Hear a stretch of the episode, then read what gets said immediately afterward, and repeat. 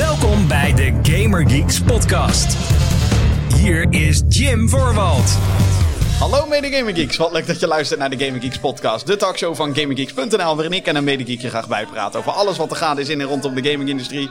Ik ben Jim en tegenover mij zit meneer de regisseur, Vincent van den Broek. Hallo. Eh, Jim wil bestekje. Oh ja, bestekje. Ja, Ja, dankjewel. Vincent is hier ook inderdaad. En eh, nou ja, zoals je merkt, we zitten eh, in een cafeetje. Ja, we zitten weer in een cafeetje. Ter leuk. gelegenheid van de 200ste editie van de Gamer Geeks podcast. Gefeliciteerd Jim, zonder jou hadden we dit niet gekund. Dat klopt. Dat klopt zeker weten. Eh datum van opname is vrijdag 18 november 2022. En dit is inderdaad de 200ste aflevering van de Gaming Geeks podcast. Jeetje. Ja. Ja, ik, ik heb er niet heel veel over. Ja, ik heb wel nagedacht, oh, wat wil ik doen met de 200ste? Maar ik heb nooit echt nagedacht over. Damn, dit is nummer 200. Dat is best veel. Dat is heel veel. Dat is heel veel. Er zijn heel veel uren gepraat over 200 keer videogames. 2, 3 uur. Dat is toch gewoon... dat zijn behoorlijk wat games die je had Nou, kunnen spelen. Dat, nou, dat zeker, ja. Ja, nee, maar echt. Ja, maar echt. Als ik daar. Ik vraag me af, is er iemand? Laat je horen via de mail podcast.gaminggeeks.nl. Is er iemand die alle 200 afleveringen heeft beluisterd? Ik niet. Nee, dat snap ik. Nee, ja. Jij? Ja, wel, ja. Ik luister een keer, alles. keer- je luistert alles terug. Ik, ik, ik luister Dus sowieso alles, want ik ben is- erbij bij alle Maar, de- opnames. maar, je luistert echt de hele podcast, luister je ook terug? Ja, Maar kan je nagaan dat dus dit zeg maar, en niet alleen het opnemen... dus de meest trouwe luisteraar van deze podcast is Dat ikzelf. ben jij zelf. nou, hè, dat, is, dat, is, dat is al mooi. Maar dan is het dus niet 200 keer 2 uur soms, maar 200 keer 4. Ja, en, eh, want naast dat er een audioversie van deze podcast bestaat, die je kan beluisteren via al je favoriete podcastdiensten, is er ook een videoversie. Ja. Op youtube.com slash gaminggeeksnl. En eh, heel veel podcasts hebben we opgenomen vanaf mijn zolderkamer. Oftewel, dan, dan is iemand, zit iemand op afstand via een chatprogramma, Discord is dat meestal. En dan maken we op die manier de show. We hebben ook wel een aantal afleveringen gelivestreamd. Eh, maar afleveringen zoals deze, waarin we, op, wel- eh, waarin we op locatie zitten... Ja, dat heeft wel wat montagewerk dan nog Ja. nodig. Dus er zitten nog meer uren in dan je misschien wel denkt. Maar ja, 200 afleveringen. En waarom doe je dit nou allemaal, Jim? Omdat het leuk is. Nou, dat scheelt. Ja. Dat is fijn. Ja, nee, oprecht. Ja, nee, als ik dit zou moeten doen voor, voor het geld of whatever. Nee, je hebt nog nooit in die 200 afleveringen is er nog nooit een sponsorboodschap voorbij gekomen. Nee, het kost alleen maar geld. Het kost alleen maar geld. Ja, dit, eh, dit eh, apparaatje waar we het op opnemen, dat kost geld. Dit, Deze dit- morning energy eh, deze, glory, deze smoothies die we nu aan het drinken zijn, dat kost geld. Ehm, het heen en Ah. weer reizen naar Gamescom, et cetera. Ja, nee, alles kost geld. En als er ooit een sponsorboodschap in deze podcast komt, na nummer 200, ik hou me aanbevolen, uit, uiteraard. Eh, en alle support is wat dat betreft ook van harte welkom. Dus als je zoiets hebt van, nou, ik vind, ik vind deze show leuk, zeg het voort.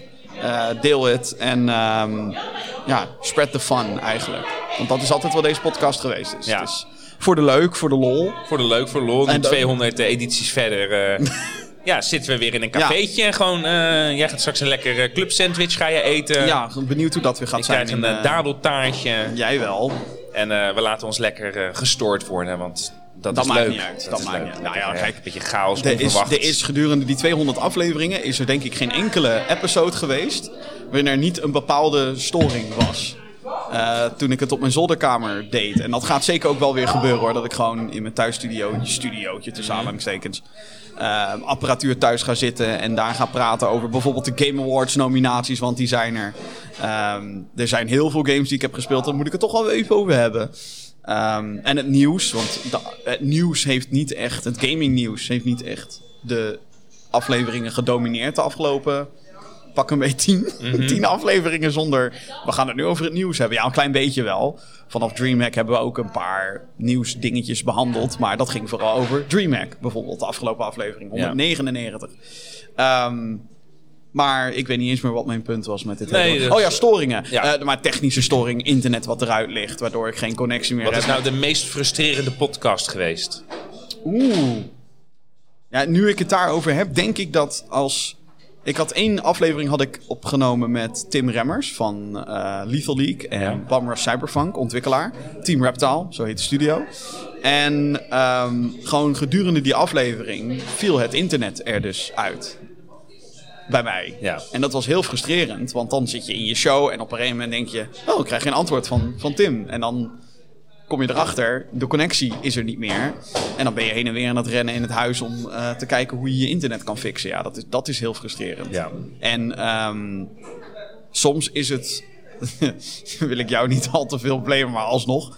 Ehm, ik heb op den duur. Hè, deze, het, het- het mooie van een podcast is, is dat er geen regels zijn en dat je kan doen wat je wilt. Zoals we, dat we nu al bijna zes minuten aan het praten zijn over, Over niks. Over een Ja. het zijn van een podcast. Ehm, maar ja, moet eerlijk gezegd worden. Ik wil deze show heel graag maken. Ik heb daar liefst iemand bij. Ja. En dat lukt niet altijd. Nee, dat lukt niet Eh, altijd. Zeker niet Nee. binnen de Gamer Geeks groep. Eh, want naast dat we deze podcast maken, maken we ook video's en dergelijke. En gaan we op stap. En Gamescom hebben we dus inderdaad gedaan. En livestreams doen we als er een E3 is, bijvoorbeeld op een ander groot evenement. Eh, die zijn er niet heel veel meer, want nu is iedereen afgesplitst. Dus iedereen doet nu zijn eigen kleine dingetje. Wat ik zelf ook jammer vind, maar goed, whatever. Ehm, en ja, dus, dus, dus altijd een planning maken met andere mensen, dat is lastig. Ja. Ehm, maar dat heeft mij er niet, nooit echt van weerhouden om de show te maken. En dat is ook het mooie, dat ik ook gewoon heb gezegd... Ah joh, we, we skippen het een weekje, want het is het allemaal toch voor de leuk. Ja, precies. Wat net, zo- net, zoals deze, eh, net zoals deze 200ste. Want ik heb- wilde al veel eerder, maar ja, het is nummer 200. Dan moeten jij en ik moeten ja, dan maar- gewoon bij elkaar Maar zitten. wat heb je dan voor ons in petto vandaag? Nou, ehm, het is een beetje back to basics. Want dit Ik is heb voor jou in ieder geval een club sandwich. Ja, dat is... Ja. Oh, kijk. Nou, zo, ik schrik. Oh, eh, lekker. Wil je dadeltaart? Ik wil dus wel een dadeltaartje. Ja, Ja. dankjewel. Dankjewel. Tot zo. Oh. Doei. Eh, ik schrok. Want jij, jij ziet natuurlijk wat er Ja, in mijn ja, rug gebeurt. En ik zie dat niet. Nou. Ehm, waar was ik? Oh ja, 200. Ja. Eh, de eerste aflevering van deze GamerKicks podcast ooit was met jou en mij. Ik kan me dat niet meer herinneren. dat dacht- daar was nee, ik al bang nee, Nee, voor. nee, kan ik me niet herinneren. Maar dat weet ik wel. Dus ik dacht, nou oké, dan moet de 200ste ook met Vincent en Jim. Nou, en wat dan- leuk. Eh, ik had het idee om het een beetje te hebben over de games die jij en ik met elkaar verbinden. Ja. Games die wij samen hebben gespeeld. Dat zijn er niet heel veel. Niet heel veel. Ik heb me, voor mijn gevoel heb ik gewoon jaren aan, aan Nee, maar als ik zeg... memory opslag met jou. Ja, nee, eh, ze- nou, hebben we ook. Want we kennen elkaar al een tijdje. We kennen elkaar al 15 jaar. Langer. Ja, ik heb het niet was- bijgehouden. Nee. Zolang het leuk is, is het leuk, toch? De jaren dat het dit niet was leuk het, was, Jim. dan... eh, Doei, dit was mijn laatste ja. podcast. was 15 jaar leuk en dan heb ik misschien, misschien ergens een twee of drie maanden of zo. Die boycott ik dan en dan eh, gaan we weer verder en dan is het weer leuk. Wat heb ik Eh, gedaan om eh, ja, mijn aanwezigheid ik, maak een grapje, ik maak een grapje. Ik zou dat eigenlijk wel willen weten. Wat heb ik gedaan? om- Dat wordt een andere podcast. Wat heeft Jim gedaan? Maar We hebben ook ooit een andere podcast gemaakt natuurlijk. ja, dat klopt. Dat was leuk. Alsjeblieft. Dankjewel, lekker dankjewel. Oh, En, heerlijk. eh, dadeltaart. Dat gaat helemaal goed komen. Ik ga je echt van genieten. Tuurlijk. Dankjewel. Dank je. Was alle dagen gewenst met cappuccino? Alles was naar wens en de cappuccino was heerlijk. En ik neem er straks nog één. Eh, Ja, ja, strakjes. Even rustig is aan. goed. Doei. Rustig aan doen met die koffie. Ja, ja, ja. Ja. Ja, eventjes om wat eh, context te geven. We zitten in een eh cafeetje en dat wordt gerund door mensen met een eh, lichtverstandelijke beperking. Het fietscafé, hè? fietscafé in Hoogvliet. Ja, het is een prachtig concept. En eh, Jordi, het is ook een beetje Gamer Geeks, want Jordi heeft hier ook aan meegeholpen. Aan, Jij hebt hier aan aan het is een Ik heb hier Gamer aan, Geeks Eigenlijk is HQ het gewoon een Gamer Geeks hub is dit. Dus eh, vandaar dat ik het ook wel leuk vond om dat hier naartoe te brengen. Eh, maar het kan dus zijn dat we inderdaad gestoord worden. Want eh, ja, weet je, dat hoort erbij. Niet iedereen leest altijd social cues. En dat vind ik leuk hier. Ja, oh ja. Want jij bent daar zelf natuurlijk ook van. Ik lees ook geen social cues. Nee, totaal niet. Ja. maar we hadden het over eh, de games die jij en ik gespeeld hebben. ja, want er is een periode geweest waarin... Jij had een PlayStation 3. Ja. Ik had toegang tot heel veel pers Ja. games Ja. Op dat moment. In ons leven. Wanneer was dit? Ja, dat was. eh, Ik was 19, 20 denk ik. Ja, ik wil net zeggen, het was volgens mij was het eh, op het moment dat wij. eh, ik zat, denk ik, op de, op de kunstacademie net. Want het was na de middelbare school. Ja. En ik had eh, in één keer zeeën van tijd s'avonds. Ja, het was zeg maar 2008, 9, 10. Die periode was het. Dus dat is inmiddels lang geleden. Ehm, en dat was een periode waarin... ehm, ja, ik, ik had ook niet heel veel s'avonds te doen. Jij ook niet. Ik had dus wel beschikking tot heel veel games. Ja. eh, door een ander platform waar ik toen content voor maakte.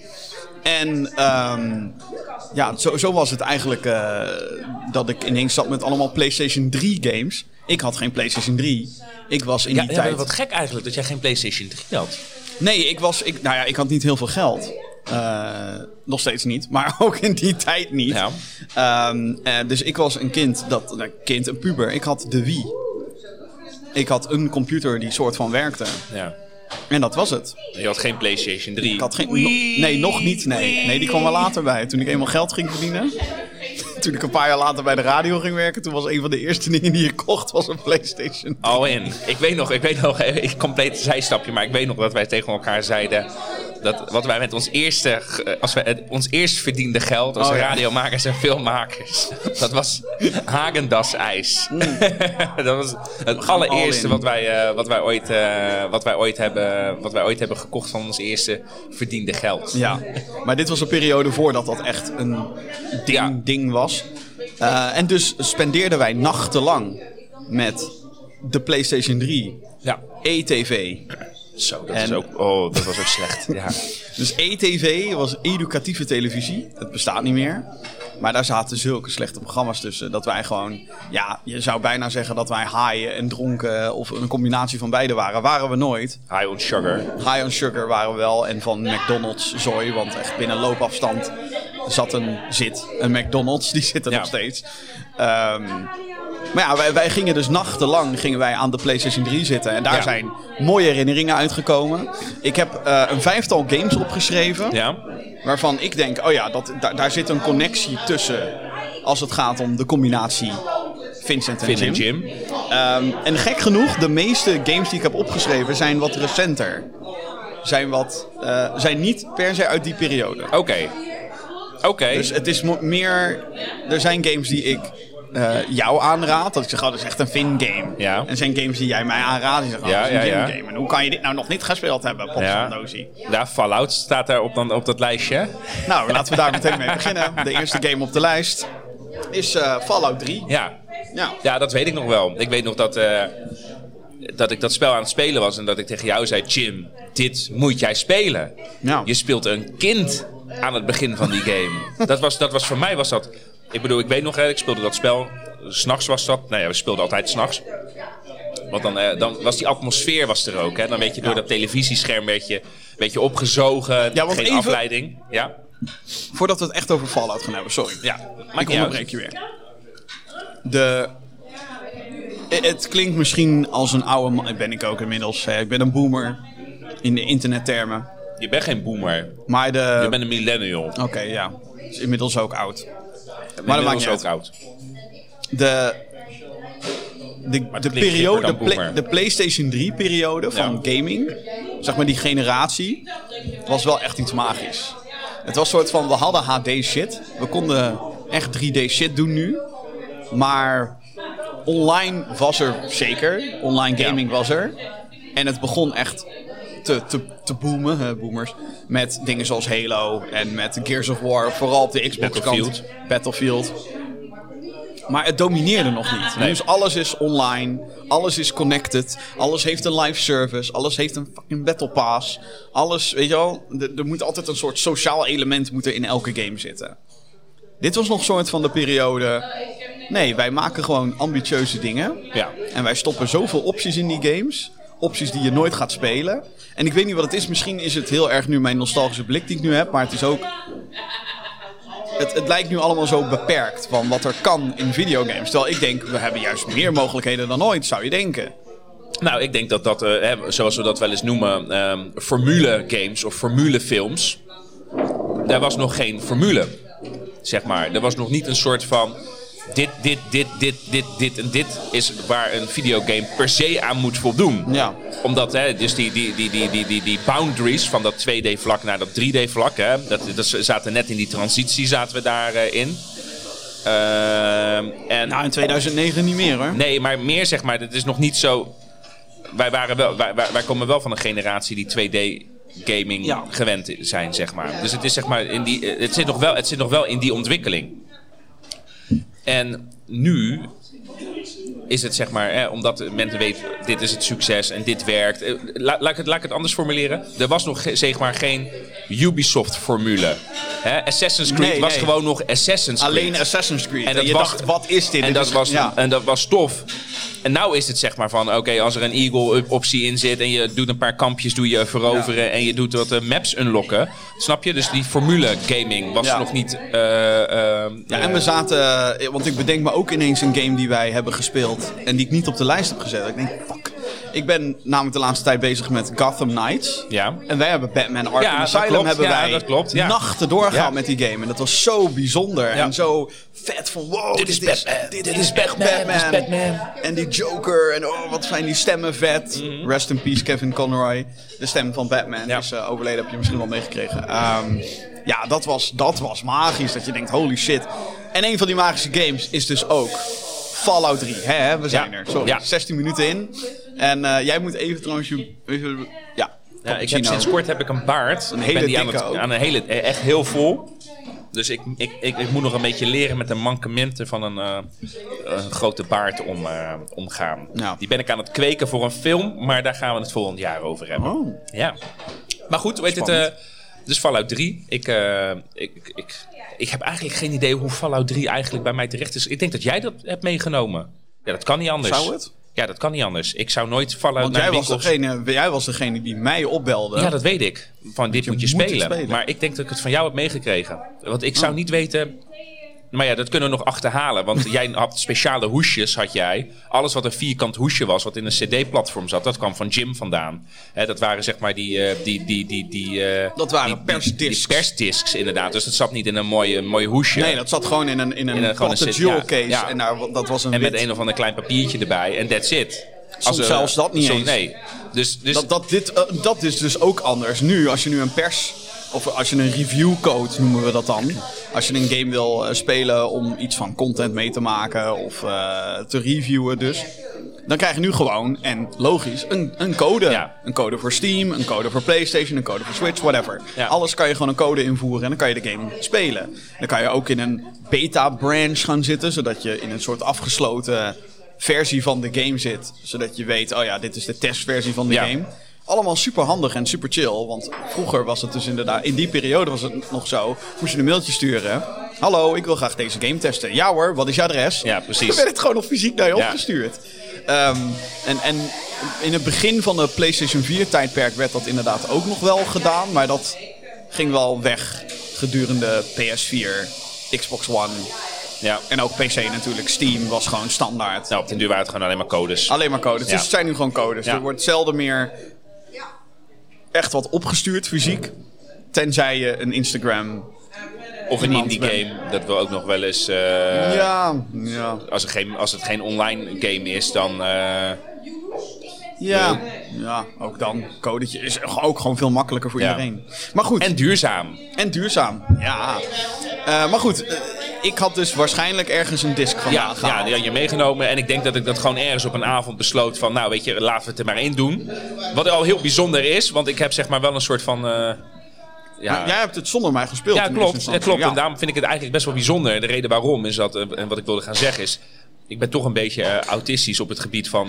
waarom zou ik eerst drie ergens in, een, eh, in de gleuf van eh, de, de Playstation gaan steken... zonder überhaupt te weten wat 1 en 2 is. Dus ik vind het eigenlijk al heel knap dat, dat die game dus in die Playstation is, is beland. En ik weet dat ik, nou, die eerste passage, hè, dan kan je character kan je, kan je, gaan, kan je gaan ontwikkelen.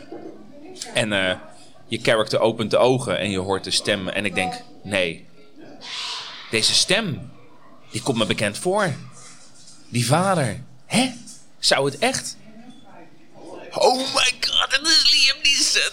Oh my god. Hoe tof, hoe tof. Maar dat was ook Nou. iets wat nog niet, zeg maar, hè, er werden nog niet echt in veel games, het was nog niet zeg maar, gebruikelijk om, zoals de hype met een Keanu Reeves of zo, met, met Cyberpunk. Nee, totaal niet. Dat was, dat was helemaal nog niet. Dus ik dacht, oh mijn god, Liam Neeson. Is je en dan vader. Is, is je vader. Mijn vader is Liam Neeson. En ik speel als baby.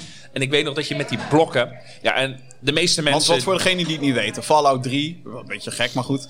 Eh, Fallout 3 is een RPG door Bethesda. Ja, Eh, dit was de eerste keer dat zij een Fallout game gingen maken. Eh, open world. Post-apocalyptisch, dus de wereld is naar de kloten door nucleaire bommen. Dan krijg je Ja. ook in zo'n intro cutscene: War, war never changes.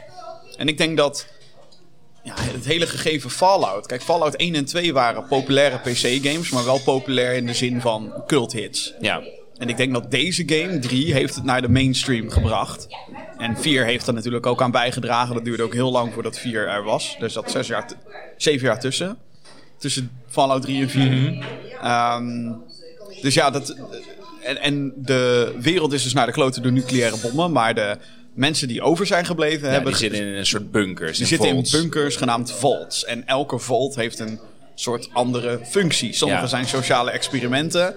En degene waar jij als character begint is Ja. redelijk normaal. Dat is gewoon een society binnen een, binnen een ondergrondse bunker. Ja, en het is maar ja, redelijk normaal in de zin zeg maar van, weet je, er is, je, je bent wel voorgelogen. En dat is heel tof, zeg maar, gaandeweg dat verhaal. Je komt echt als een soort van, je komt uit een soort van sci-fi plek, zeg maar, waar alles happy, happy, joy, joy is. Met, nou ja, wat ik net zeg, hè, je, bent, je, start als baby. En dan eh, kan je met blokken gooien. Nou, en de meeste mensen die mij kennen, die weten, zeg maar, Vincent, die gaat alles ontdekken. Die gaat dit hele systeem gaat die uitkleden en die gaat alles proberen. Dus ik denk dat ik misschien in dat passage waar je normaal gesproken, wat is het, vijf minuten als baby rondloopt, dat ik daar gewoon rustig 30 minuten als baby heb lopen kruipen over die grond heen. Nou, Ja. dan vervolgens je verjaardag, dan volgens mij iets van kaarsjes uitblazen. Dacht ik, als ik daar zo even aan terugdenk. Op een gegeven moment moet je een examen doen om te bepalen wat jouw beroep ja, wat je- wordt ja, in, dat in soort dingen. de- En dat neem ik super serieus, dat soort Ja. dingen. Dus, ehm, en dat van schaaf. En dan, en, en dan kom je er, en dan gaandeweg. Ja, weet je, ehm, ik heb eigenlijk geen idee meer hoe het komt dat je uit die volt gaat. Volgens mij gaat er een mankement of een defect of... Volgens mij, Ex- ehm, ja, als ik het goed herinner, je vader gaat sowieso weg. Ja, ja, Die, en dat blijkt later. Nou, nee, wacht, geen spoilers. Maar die gaat weg voor een reden. Gaat weg uit de Volt. Ehm, en volgens mij vindt er inderdaad iets van een moord plaats of Ja, zo. Waar je wel hè, of niet geblamed voor wordt. En, ehm, Nou ja, je gaat dus je gaat uit Ja. die volt en dan kom je in die, in die wasteland. Hè? Eh, dat, dat, dat, dat, dat, dat, dat, dat, dat dorre, woestijnachtige landschap. En je hebt een radio als protagonist gedurende die show. Nou, geweldig. Gewoon eh, de, de, dat, het, het feit dat die, die radio en dan... Nou, kracht zo van de was het. radio, De kracht van de radio inderdaad. Maar gewoon dat je dan begeleid wordt en dat je een beetje zo... eh, ja, en vooral dat je, hè, je die valtdeur gaat open. Grote ijzeren ronde deur. Hè, je zit ook, ook al kijk je naar een scherm. Dan zie je van. Ah, ik weet niet of het. ah." je, je, je zit soort van je, je ogen af te schermen. En dan ja, ligt de wereld voor je klaar. Ja. En je kan zelf bepalen waar je, Waar heen, je heen gaat. gaat. En wat echt van supergoed design spreekt, vind ik, is dat je ogen eigenlijk automatisch wordt je drawn, gericht naar, gelokt naar Megaton, het eerste Ja. stadje.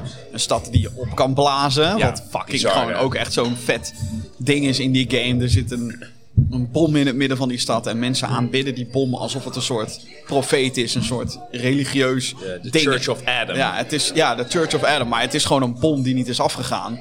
En je kan dus in de game bepalen, laat, eh, eh, disarm ik hem, laat ik hem zo. Of blaas En dan word je eigenlijk word je al geconfronteerd met dat hele keuzesysteem. Hè? Dat, Ja. Datgene wat je nu doet, Nou, de heeft eerste impact. keuze is er al. Ja. Ga ik naar die stad of loop ik door? Ga ik ergens anders heen? Ja. Want voor je het weet kom je een hond tegen die jou bevriendt. En dat soort, nou ja, echt, Meat eh, Dog, mijn trouwe hondje. Meat dog. Nee, Ja, is dat het is- niet dog meat? Dog, oh, dat zou kunnen. Dark meat. Dark Meat dog, dark meat. Maar, dus, dus die hele... DJ was er toch ook iets Dat is Free Dog. Free dog. Oh, ja, Ja, ja, ik dacht eerst van, eh, Radio Dark, maar dat was Free Dark was dat. Ja, en, nou ja, en dan inderdaad, dus, eh, dus je wordt heel vroeg word je eigenlijk gewoon geconfronteerd met keuzes in die game. En dat iedere keuze ook een consequentie kan hebben. eh, Ja. Daarom, hè. Ik bedoel, dat heeft echt impact uiteindelijk op wat er gebeurt. Als je dat stadje opblaast, dan wordt het een of andere ghoul city. Ghoul, dat is een beetje hè, de- je, mensen die een soort van eh, overmatig blootgesteld zijn aan radiatie. Dat worden een soort ghouls, een soort zombie ja, zombies, maar dan wel met een geweten. met een geweten en wat radioactief eh, tintje eraan. Dus ja, weet je, dus het is. ehm, ehm, ja, ja, eh, eh, maar op de duur ook brainless. Hè? Dus eerst is het nog gewe Ja, je hebt geweten. feral ghouls, dat zijn Ja. de zombies, zeg maar. Ja. Maar dan heb je ook ghouls die hebben gewoon intelligentie en functioneren zoals jij en ik. Alleen ze zien er niet Nee, precies. En die, die, en die, die, die, die gaan langzaam in die transitie naar die feral ghouls. Dus die, die changen in Ja. dat, eh, in dat, eh, in dat Ja. stuk. Maar ja, dus je komt achter... eh, dus het is echt ontdekken. En je kan daar gewoon... En, nou ja, ik heb wel sinds, sinds Fallout 3... heb ik ook wel een beetje die regel... maximaal één RPG per jaar. Want, Inmiddels staat de teller op eh 0, Ja, ja, ja, ja. Dit is, maar het is wel, je, ja, weet je, je, je, je, je, je wilt gewoon, als je dan zo'n RPG speelt, wil je daar de tijd voor nemen. En je helemaal onderdompelen in, eh, in die wereld. Dus eh, ja, Fallout 3 heeft een eh, heel bijzonder plekje in mijn hart. En toen heb ik inderdaad gezegd, Jim, jij moet dit spelen. Jij moet dit echt gaan spelen. Ja, maar van, nee, ga dat nou maar gewoon spelen. Je speelt, ga maar gewoon, doe maar, doe je ding. En ik weet dat jij volgens mij ook iets in een telefoontje, oh, je speelt een kind. Oh. Het was letterlijk. Ik had ehm, een jaar later of zo. kreeg ik de Game of the Year Edition. Voor PC. Dus ik dacht, nou, laat ik het nu maar een keer gaan proberen dan. En het was inderdaad, op het moment dat je geboren wordt, je moet je naam kiezen. Alles is Alles naar, is wens. naar wens. Ja, dankjewel. Is goed. Ik denk over, eh, over 10 minuutjes neem ik nog een cappuccino. Ja. Ik even dit Die mag je meenemen. Ja hoor, is goed. En lege kopjes? Ja, de lege kopjes mag je ook meenemen. Alsjeblieft. Dankjewel, Vincent. Dankjewel, Cynthia. Ehm, wat, waar- waar- waar- oh ja, letterlijk bij de geboorte was Ja. ik. Ehm, de, hè, je, je moet dan je naam invoeren. Of nee, wat wordt het? Een jongen of een meisje? En dan, oké, doe je dat. En dan komt inderdaad dat moment dat je als baby rondkruipt. En dat je dan als speler geleerd wordt. Oh, zo kan je items oppakken en weggooien. En zo kan je lopen. En zo kan je met de omgeving interacten. Want wat je baby doet, is die ontsnapt uit zijn box. Door een, deur, door, door een deurtje open te doen. En toen belde ik jou inderdaad op met bro. Dit is, dit is geniaal dit. Hoe meer verbonden wil je zijn met je personage dan dat je er letterlijk bij bent met je geboorte. Ja. En het voelt ergens heel nostalgisch, omdat we allemaal wel die flitsen hebben van ouders die je iets leren of, of hè, dat je examens moet doen of dat je op school zit of dat je gepest wordt. Want dat zit allemaal in die, Ja. in die introductie zit dat. En dat je uiteindelijk dan als een vrije vogel een compleet vertiefde wereld kan verkennen. Was zo vet. Ja, ik heb jou toen opgebeld en met bro, dit is zo goed, dit is Ja. zo goed. Want ik had het nog niet eerder meegemaakt in een game. Dat je op die manier geïntroduceerd wordt aan... En dan inderdaad Liam Neeson, die dan jouw vader is als voice, is dan de kers op de taart. Maar dat is zo goed en het is nooit meer zo vet geweest. Want of het moet een imitatie zijn van dit. En een ander concept, ja, het, het is vaak gewoon niet anders. Je character is volwassen. En je moet zeg maar meteen soort van naar de actie kunnen Ja. gaan. En dat is het enige wat je misschien Fallout 3 op, op kan bekritiseren op het begin. Is dat het best wel lang duurt voordat je echt met de game begint. Maar Wat voor mij dus nooit een probleem is. nee. Ik vind dat heerlijk. Hè? Ease in, rustig, starten, groei mee. Eh, dat- Ik bedoel, eh, wat je net zegt, ja, dat, dat triggert me wel. Het is inderdaad, je bent bij de geboorte van je personage geweest. Dus je kan je heel makkelijk, jij bent dat character. Exact, ja. Jij bent dat character in, in, in Fallout. Het is niet, het is niet en, en, dat is, nou- en dan, dan krijg je natuurlijk ook die kracht dat je dus hè, je personage een beetje kan namaken in het begin. Hè. Een beetje wonky natuurlijk en het, het lijkt nooit. En Bethesda is nooit, eh, dat hebben ze later wel bewezen, maar het is nooit zeg maar degene die dat het beste is in eh, iets realistisch eh, maken. Of Nee, ja, was ook doen- niet per definitie heel mooi. Ook voor die tijd was het, was het ook nog niet Het was heel niet mooi. de mooiste Het was game. niet de nee, mooiste absoluut game. Niet. Nee, nee. Maar ehm, het feit dat je zeg maar, er zo ingetrokken werd in die wereld, dan, ja, nou ja, dan kon je natuurlijk. Je kon ook kiezen hè, of je third person of first person speelde. Maar kon je continu de camera ja, kon je switchen. Ja, eh, ja. ja. ja. dus dat. eh, Altijd first person in ja, dus ik third person. Oh, echt? Oh, oké. We hebben altijd naar dat, eh, dat, eh, dat, dat, dat logootje op de achterkant eh, gekeken. Vault 101. Maar, maar dat was ook omdat ik die field of view ook niet heel chill vond in first person in die game. Nee, zeker niet op de PlayStation 3. Nee, Dat was nee. een beetje Maar, een drama. Ik vind het terecht dat die op de, op de lijst eh, ja, staat. ja, Fallout 3. Het, het blijft. nu is er een soort van. Ik wil niet zeggen een, een, een, een uitbarsting van. van hè, laat ik het zo zeggen. Er zijn heel veel Fallout-fans die nu gewoon zeggen: Bethesda, we weten dat het nog heel lang gaat duren voordat er een nieuwe Fallout-game komt. Remaster 3. Ja, Doe dat het. denk ik ook. Gewoon Ja, ik denk dat ook. nieuw likje verf eroverheen. Ja, Op maar waarom niet? consoles. Ja, ik, Waarom denk, niet? ik denk als je het nu zou willen doen, dan moet je het echt remaken, denk ik. En dan Ja, dat denk ik ook. ga je wel. Ja, en dan en, krijg je natuurlijk weer hoe goed is het dan. eh, goed is ja. het en hoe duur gaat dat project worden? Maar ik denk Is het ook. dan niet gewoon beter om een nieuwe Fallout te maken? Want dat kan ook. Ja. New Vegas was ook fantastisch trouwens. Die, eh, Maar op zich is het... Kijk, weet je, ik denk dat zoiets niet een straf is als jij je medewerkers weer terug meeneemt naar die game. Van jongens, dit is gewoon... eh, Nee, maar ja, die medewerkers- Goed was. Want ik vond deel 4 heb ik dus niet uitgespeeld. Ik, ik, ik, ik, ik, ik, ik weet het niet. Het trok, me gewoon, het trok me gewoon niet. En dat was natuurlijk al de trailer. Dat ik dacht van, oh god, ze hebben, ze- er is geen progressie sinds 3. Dat was, mijn, dat was mijn eerste feeling. En dat is eigenlijk alleen maar, zeg maar... Het Ik is vind niet, Fallout 4 een hele goede game, maar Fallout 4 is veel meer een mainstream RPG. Dat is ook Fallout 3. Het is een RPG. Het Ja. is geen shooter, het is een RPG. En Fallout 4 probeerde meer shooter mechanics te hebben. En dat vind ik prima als het daardoor beter speelt. Maar je merkte daardoor dat het RPG-gedeelte, het echte roleplaying, kreeg een, ging een grote stap achteruit. Ook omdat je, je personage was voiced, dus had een stem in Ja. 4. In 3 niet. En dat betekent dat je in 3 echt alle soorten zinnetjes kon hebben. Echt Ja. zoveel gespreksopties had je daar. Van meh tot aan hou je fucking bek dicht. Ik sla Ja. je nu voorop. Ehm, en in Fallout 4 was het altijd vier opties geloof ik. Het had ja, nee, sarcasme en Ja, klopt, ja. meer, vra sorry, meer vragen. Ja, Omdat ja, ze waren beperkt, want al die voice actors moesten alles inspreken. ja. En ehm, het goede nieuws is, is dat in die nieuwe game van Bethesda, Starfield, jouw character heeft geen stem. Dus ze Oké. gaan weer terug naar het minuutje met teksten en eh, dat Ja, maar dingen. toch ook met Starfield, dat is, heb ik daar ook geen goed eh, gevoel bij hoor. Ja, weet je wat het is? Ik, Fallout 76 heeft volgens mij heeft bij mij wel heel veel kapot gemaakt op het bij mij ook. Kan Bethesda Bij mij ook. Ja, maar dat, is, maar dat is een beetje, en dat vind ik, ook zo, dat vind ik dus ook zo jammer. Dat is dus voor mij, hè, en kan, iedereen kan er wat van vinden, maar, en ik ben altijd salty Vin. Maar voor mij, ik merk gewoon niet, niet een, een dusdanige groei die ik zou verwachten, zeg maar. Dat ik denk van, oké, waar hebben jullie nou precies in geïnvesteerd? Eh, ja, nee, maar dat is, bedoel, je wilt toch niet, zeg maar, op, steeds op dezelfde engine eh, blijven werken? Nee, nee, nee. En dat is dan met dat soort dingen dat ik denk van, ja, weet je, dus naarmate zij, zeg maar, zij hadden zoiets van, nou, weet je, Wat eh, vond jij van eh, Skyrim bijvoorbeeld? heb ik ook niet uitgespeeld. Oké. Nee, heb ik ook niet uitgespeeld, maar ik weet wel dat. Zelfde studio trouwens. Zelfde studio, Skyrim. ja. ja ik, maar ik weet wel dat ik het wel Skyrim kwam fascinerend drie vond. jaar na Fallout, geloof ik, uit mijn hoofd. Ja. Drie. Ja, maar het- Fallout-genre heeft mij, eh, heeft mij, trekt mij meer dan de Elder Scrolls. Dat is, eh, dus ik heb, ik bedoel, ik heb de, wat was dat daarvoor eh, voor Skyrim? Oblivion. Dank je. Ja, dus dat, Ja. ja. weet je, het is, het heeft mij, ik vond het allemaal vrij statisch. hè, Een beetje van die statische. eh, Ja, ik vind het hele, eh, ook, eh, moet ik wel zeggen hoor, ik, ga niet hier... Fallout is meer een franchise die mij ook meer ligt.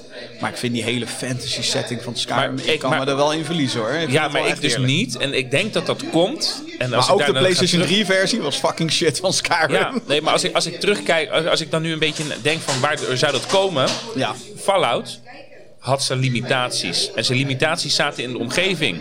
Er was geen bos. Er waren geen bergen. Nee, dat klopt. Er was één grote grauwe vlakte. En dat is dus makkelijk te Ja, en verkopen. natuurlijk de ruïnes van Washington. Ja, precies. Zo goed was. dus dat is makkelijker te verkopen Ja. dan zeg maar een wereld zoals jij en ik die wel kennen. Wij Ja. weten hoe een bergje eruit ziet. Wij weten hoe. eh, en dan ga je naar die gekke sprites en dat soort eh, eh, blaadjes en zo. En dan verlies ik. Dan denk ik van oké, hè, het is toch niet helemaal. Laatste ding over Fallout Eén 3. ding wil ik ook Oh, nog. oh, ja, ja. New Vegas. Ja, dat was het soort van quasi-vervolg. Of Ja. althans. Nou, dat Eh, vond ik prima. ja. Heb ik ook niet uitgespeeld. Maar ik ben daar wel heel ver in gekomen. New Vegas ging echt heel erg, nog dieper in RPG. Met hoe kunnen we jou... En ik vond dat intro trouwens ook fantastisch Ja. van New Vegas. Dat je gewoon iemand bent die een, eh, een boodschap moet afleveren en dan gewoon doodgeschoten wordt. Maar je leeft nog. Ja, En en wat, dan kan je dus kiezen, ga ik die, we gaan die, eh, want ik, hadden wij die ook niet in het begin gespeeld? New Vegas? In ieder geval Ja, ja, begin ja, hebben we gedaan. Ja, ja, ja. Ja, we we gaan Benny ja, opsporen, ja. we gaan hem ja, ja, dat weet ik. Ja, ja, dat weet ik. Dan gaan mensen tegen elkaar opspelen en dat soort dingen. En dan dat geld. En... En dat is ook wat New Vegas doet. Wat, wat, wat tof is aan New Vegas, vind ik zelf, Fallout New Vegas, is dat 3, 4 en Bethesda games hebben heel duidelijk, dit is goed en dit is slecht. Daar is geen Nee. eh, good karma points, bad karma points. New Vegas is veel meer een grijze lijn. Dat is een soort van bij welke factie wil jij horen? Allemaal hebben ze punten waarvan je misschien zou denken: oké, ja, nee, daar sta ik achter. Maar ze doen ook dingen die niet oké zijn. Nee. En dat vind ik heel vet aan New Vegas. Dat het daar heel erg op leunt. Van hé, hey, je kan bij deze guild gaan zitten. Zij hebben de beste wapens. Maar het zijn allemaal klootzakken. Ja. Het zijn verkrachters, bij wijze van, weet ik veel. Ja. Of je gaat naar de Brotherhood of Steel. Good guys. Houden zich aan de regels die zij zelf opstellen. Dus je moet ze aan hun regeltjes houden. En je allegiance swearen en dat soort shit. Ja. En als je ook maar één keer buiten de grens gaat, word je verbannen. Nou, Ja. wil je daarbij een beetje dat soort dingen. En dat vond ik zo... Ook zo vet gedaan Ja. daar in die game. Nou, en wat je bij die twee games had, en ik. En, dat, en, en waarschijnlijk zit het ook bij 4 en waarschijnlijk ook bij Fallout eh 76. Maar je had echt een doel. Ik had in Fallout 3 had ik een doel. Het doel was die wereld purifieren, dat water zuiveren. Dus het was, heel, het was heel helder. In New Vegas was heel lang onze taak...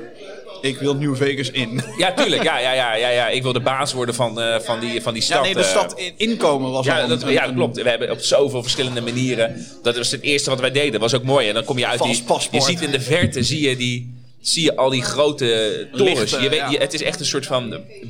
Gewoon een, een, een, een beacon, zeg maar. Van hier moet je heen. Hier ga je naartoe lopen. En dat eindeloos lopen. Eindeloos zwerven. En dat je dan op de duur ook in zo'n voorstad komt. Waar dan in één keer die cool zo heel sterk eh, waren. Die, wat was het? Die mutants. Super Ja, de, mutants. de, de Raiders. of, eh? er waren ja, Super Mutants en je had van die Raiders. Want dat was een soort van buitenwijk. Ja, en, maar ook dat heel krachtig en, dat, was, ook- en dat, was, dat zat net voor die stad. En ik weet nog dat wij zoiets hadden van... Ja, maar we gaan er gewoon meteen heen. Dus dan sluipen we wel of sneaken we wel. Maar we gaan gewoon die stad in. Mission failed, ja. Ja, Fallout. Mooie, eh, mooie franchise. Mooie start. Nou, start. We zijn al, we zijn al flink onderweg. Ehm, eentje waar we wat minder over, lang over kunnen praten dan. Misschien?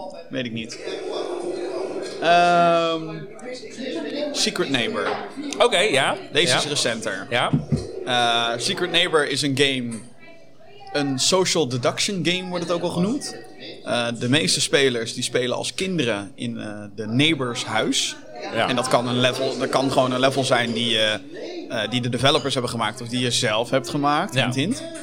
Ehm, en een van de kinderen is helemaal geen kind. Dat is de neighbor, ja. de buurman. De wolf enge- in schaapskleren. ja, de enge buurman, de imposter onder de Among Us crewmates. Ja. En eh, ja, die kan de kinderen grijpen en doodmaken eigenlijk. ja, gewoon En- een, een lugubere vergelijking, maar het is gewoon een kinderlokker. Het is je, een je speelt met kinderlokker. Ja, dus die dat zit, is heel eh, gek. je zit dus vast in dat huis en je moet dus de kelder in of zo. Je moet de naar de kelder ontsnappen. Ja. En dan moet je de sleutels verzamelen. Maar ja, één iemand is de saboteur. En die moet dus eh, ervoor zorgen dat dat niet gebeurt. En dit is een spel die wij tijdens de lockdown Ja. echt wel hebben on- ontdekt. Ja. Eh, het is een spel die nog steeds online is en dat soort dingen. Ehm, dus als wij zo nu en dan roepen we random naar elkaar: You're the neighbor. En dat, dat is een referentie naar die game. Ehm, en dit is ook een van die spellen die, waarbij wij het voor elkaar hebben gekregen om vrienden die normaal nooit videogames überhaupt spelen, om mee te spelen. Dus jouw vriendin, nou, Ja. die speelt wel eh, games zo Ja. nu en dan. eh, Maar ook mijn zusje. je zusje en je broertje ging meedoen. Ja, een goede En, vriend eh, van ons. uit, in vanuit het buitenland, vanuit. Amerika. Dat was echt, en het was zo grappig hoe wij met z'n allen, wie, wie is het, wie is het, wie is Ja. het? En dan heb je mensen zoals ik die dan zeggen, oh shit jongens, je kan dit knopje omzetten en dan gaan de hekken open. Jij bent de neighbor, Jim. Ja. Huh? Wat? Ik ben de enige die dat, die dat dan kan als neighbor zijn. Want je Ja. hebt natuurlijk speciale krachten als je neighbor bent. Of de, de bad guy. En ja, dat hele... ehm, want in de vriendengroep deden wij, met name voor de pandemie... gingen wij vaak in een grote cirkel zitten met elkaar. En gingen we weerwolven Ja, spelen. Weerwolven van Wakkerdam. Ja. En dit is eigenlijk een digitale variant ervan. Je hebt games die daadwerkelijk gewoon weerwolven overnemen, maar dan digitaal. Hè? Gewoon overkopiëren het hele Zoals de concept. Wolf van Mangas en eh, wat is het op... eh, Nee, de Wolf Among Us is een Telltale game. Oh, wat is er op Ubisoft? Wat had je, hoe heette dat dan? Werewolves Within. Oh, dat was hem, dank je. Ja, VR. dat was hem. Ja, dat was het. Ja, Ja. Werewolves Within. Ja. Wolf Among Us is een andere. En dan inderdaad... maar je hebt Among Us, Ja. wat een beetje hetzelfde principe is. En dit is er ook eentje. En dit, wat hier heel tof aan was, is dat jij best wel... We hadden die game ontdekt. En jij ging best wel snel al... Er zit een level editor in. Ik ga mijn huis, nou daar zit je nu niet meer, maar Nee. ik ga mijn huis namaken. Ja. En toen zaten we dus in een digitale versie van jouw huis, zaten Ja. we verstoppertje te spelen. En je, had, je kon ook een shotgun ergens verstoppen en dan kon je die neighbor mee Ja. one-shotten. En dan was het even voordat hij weer gerespawned werd, zeg maar. En ja, dat, dat geklooien op Discord en dat de neighbor, degene die de neighbor speelt, opeens heel stil is. Dat je denkt, ja, Jeroen, jij bent het. Hm? Kom je daar nou bij? Ja, jij bent het. Nee hoor. En dan loopt hij ineens weg en dan transformeert hij ineens in de neighbor. En dan denk je, ja, jij bent het gewoon. En waarom ik dat huis heb nagebouwd is van, vanwege meerdere, meerdere aspecten. Eén, ik, leuk, we bouwen het huis na. Ik kan het inmiddels zeggen, ik woon op de Dorpsdijk 30 in Roon. En dat was een, eh, woonde. En dat was een, eh, een groot anti-kraakpand waar we in zagen. Een groot verzorgingshuis. Hè. Daar deden we de Gamer Keeps eh, barbecue hebben we daar gedaan. Daar hebben we de E3 livestreams op de zolder hebben we daar gedaan. Het was een gigantisch oppervlakte. Een groot verzorgingstehuis waar we met z'n drietjes, waar we met z'n drietjes leefden. Jeroen heeft daar even gewoond boven. Broertje heeft daar gewoond. Dus dat is echt een soort van pand wat we in de vriendenkring wilden houden. Ja, Eh, Danny, eh, oh nee, dus, eh, maar Danny heeft er ook gewoond. Dus, dat is het broertje van, broertje nou van Jeroen. wordt het wel heel erg Dus, maar dus, dus we- dat, dat, dat pand dat hebben we echt een beetje in die vriendenkring geprobeerd te houden. hè. Als er dan iemand uitging, was het van, ja, nou ja, we hebben, er moet iemand nieuws in. Ja, prima joh, we kennen wel iemand. Maar gewoon, het is een pand waardoor ik ook mijn bedrijf heb kunnen opbouwen en dergelijke. Dus het is wel echt, eh, nou, gewoon super tof. Maar omdat iedereen of daar woonde, of daar over de vloer kwam en dergelijke, zit er natuurlijk ook een kracht achter. Wat ik wilde, dit spelletje met heel veel mensen spelen. En om dan ervoor te zorgen dat mensen niet een of andere tutorial nodig hadden. Of om bekend te raken met de map. Hè. Ik bedoel, dat, dat weet je hoe dat is in een, in een videogame, in een Call of Duty of wat dan ook.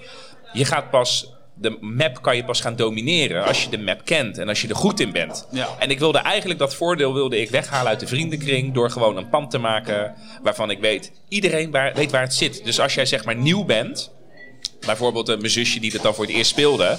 En we bevinden ons in de game op de zolder. En ik zeg naar de keuken toe. Weet iedereen Ja, waar de keuken keuken is. is. Dus als Jim dan eh, al wat eh, meer kennis heeft van het spel of van de mechanics of wat dan ook. Of ik, of wie nog meer meespeelde. Dan was dat voor de mensen die nieuw waren. eh, was, dat, was het eigenlijk makkelijker om dus die, die, die, die, die, ja, weet je, die, die learning curve Ja. die daartussen zit, makkelijker te overbruggen.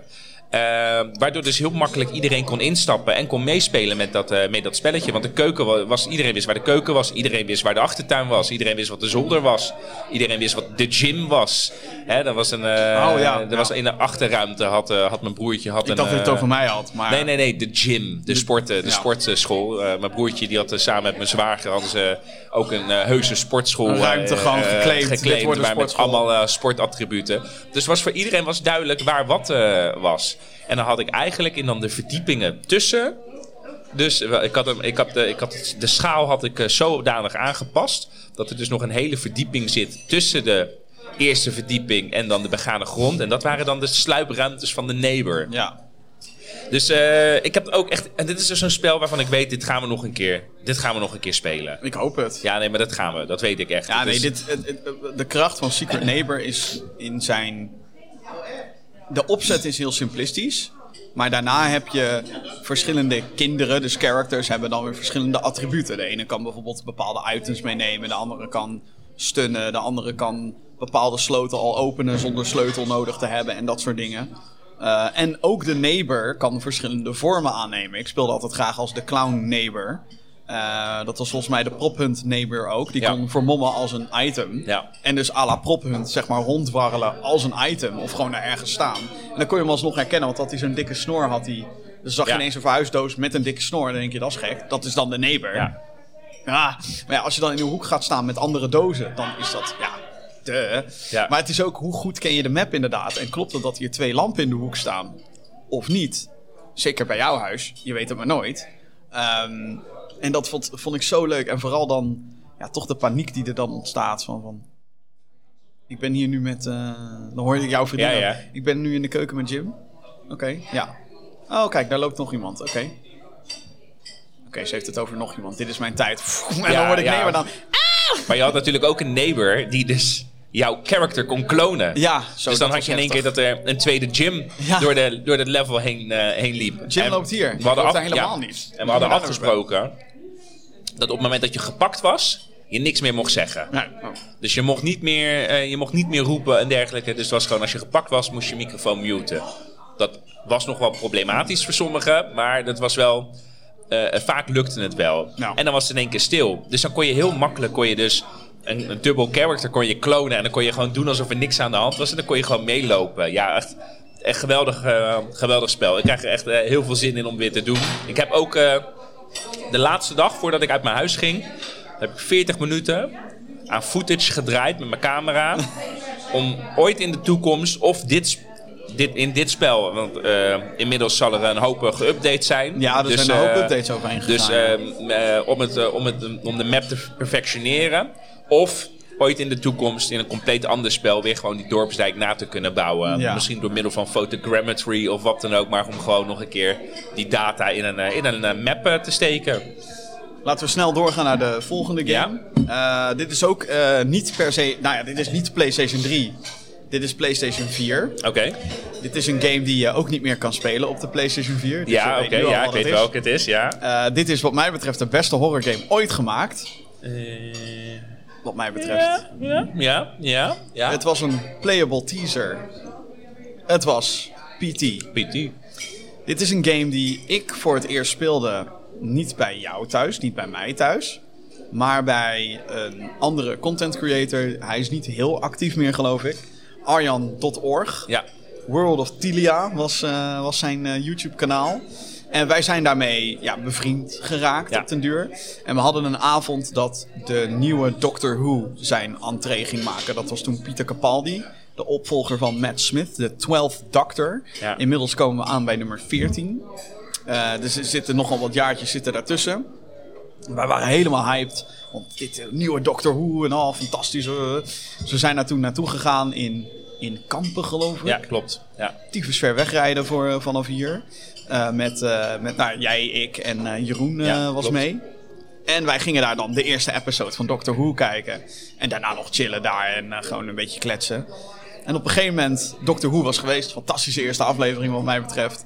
Ehm, helemaal hyped. Ik had mijn Sonic Screwdriver speelgoed meegenomen. En daarna start Arjan die Playstation op. En die zegt, zo, gaan we nu even een spelletje spelen, jongens. een heel eng spel. En ik wist al dat het bestond, PT. Sterker nog, ik was bij de aankondiging aanwezig. Dat was die Gamescom. Ja, klopt, ja. Dat wij bij de PlayStation Press Conference zaten. En dat Hideo Kojima, godsamme, drie meter van mij vandaan zat.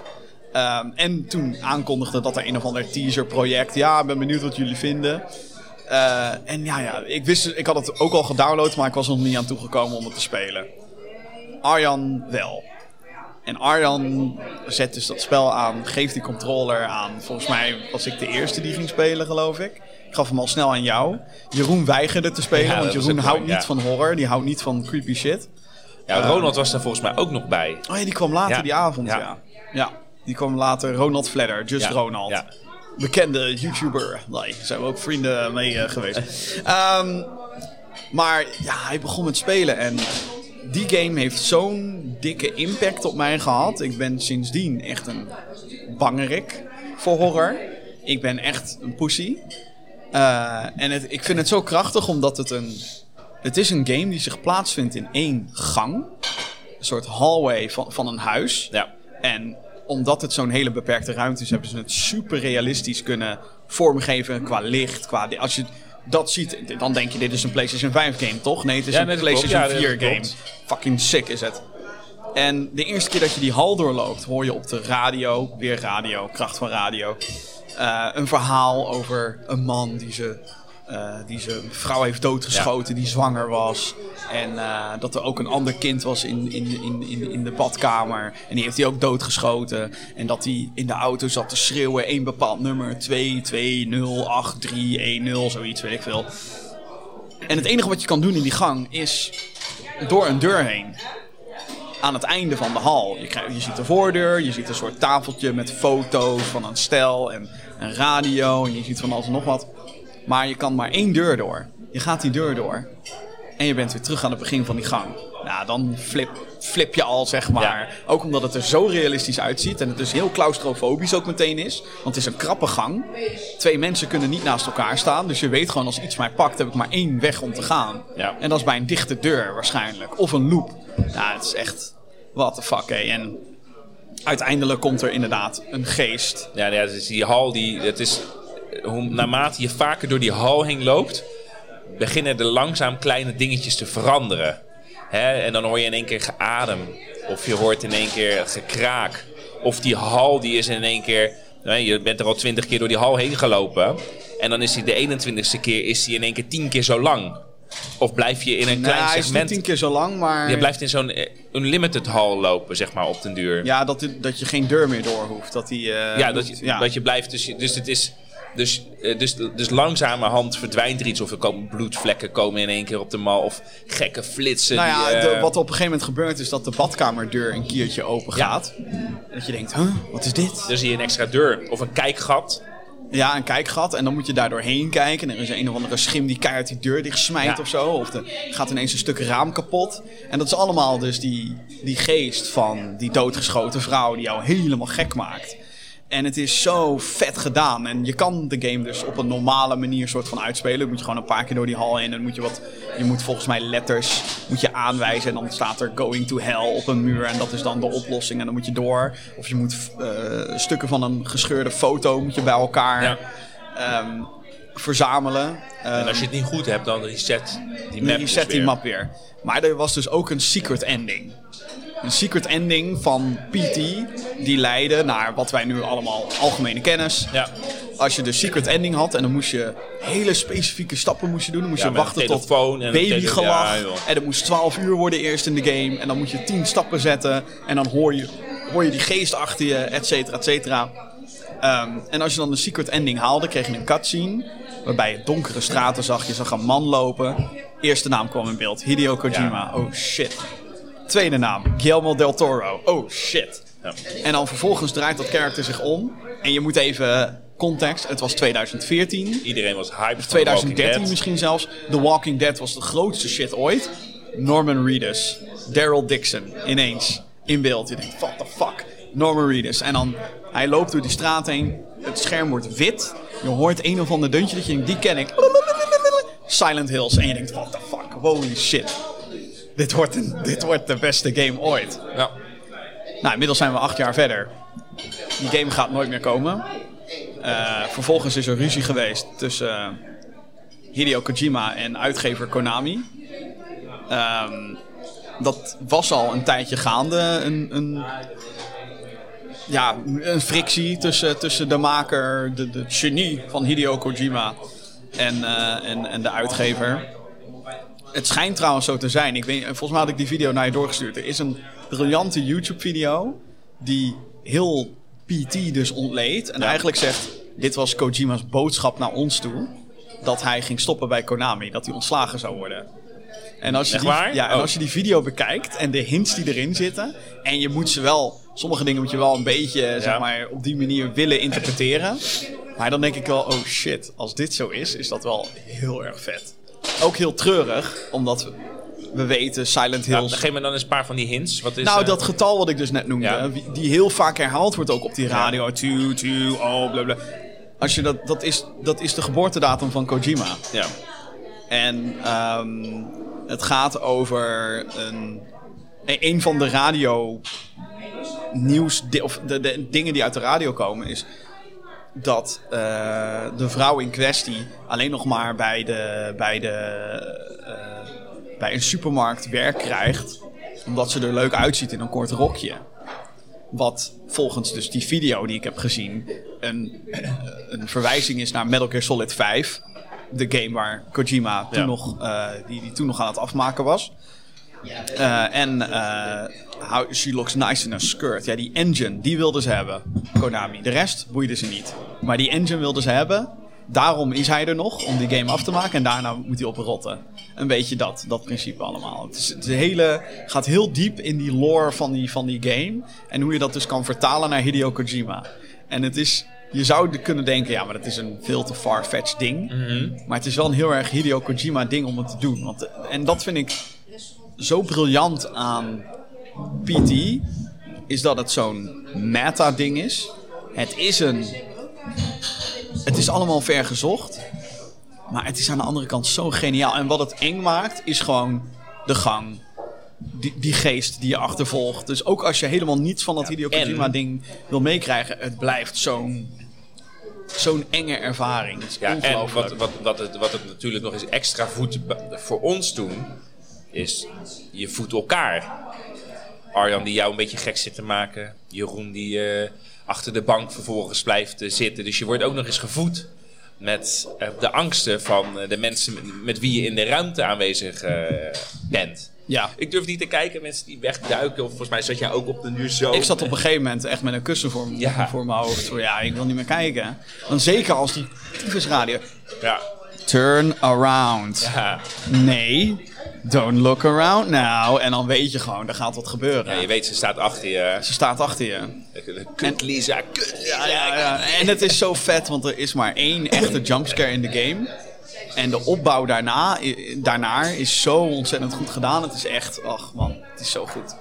Beste horror game ooit. En, en, het, en het is een heel tragisch verhaal.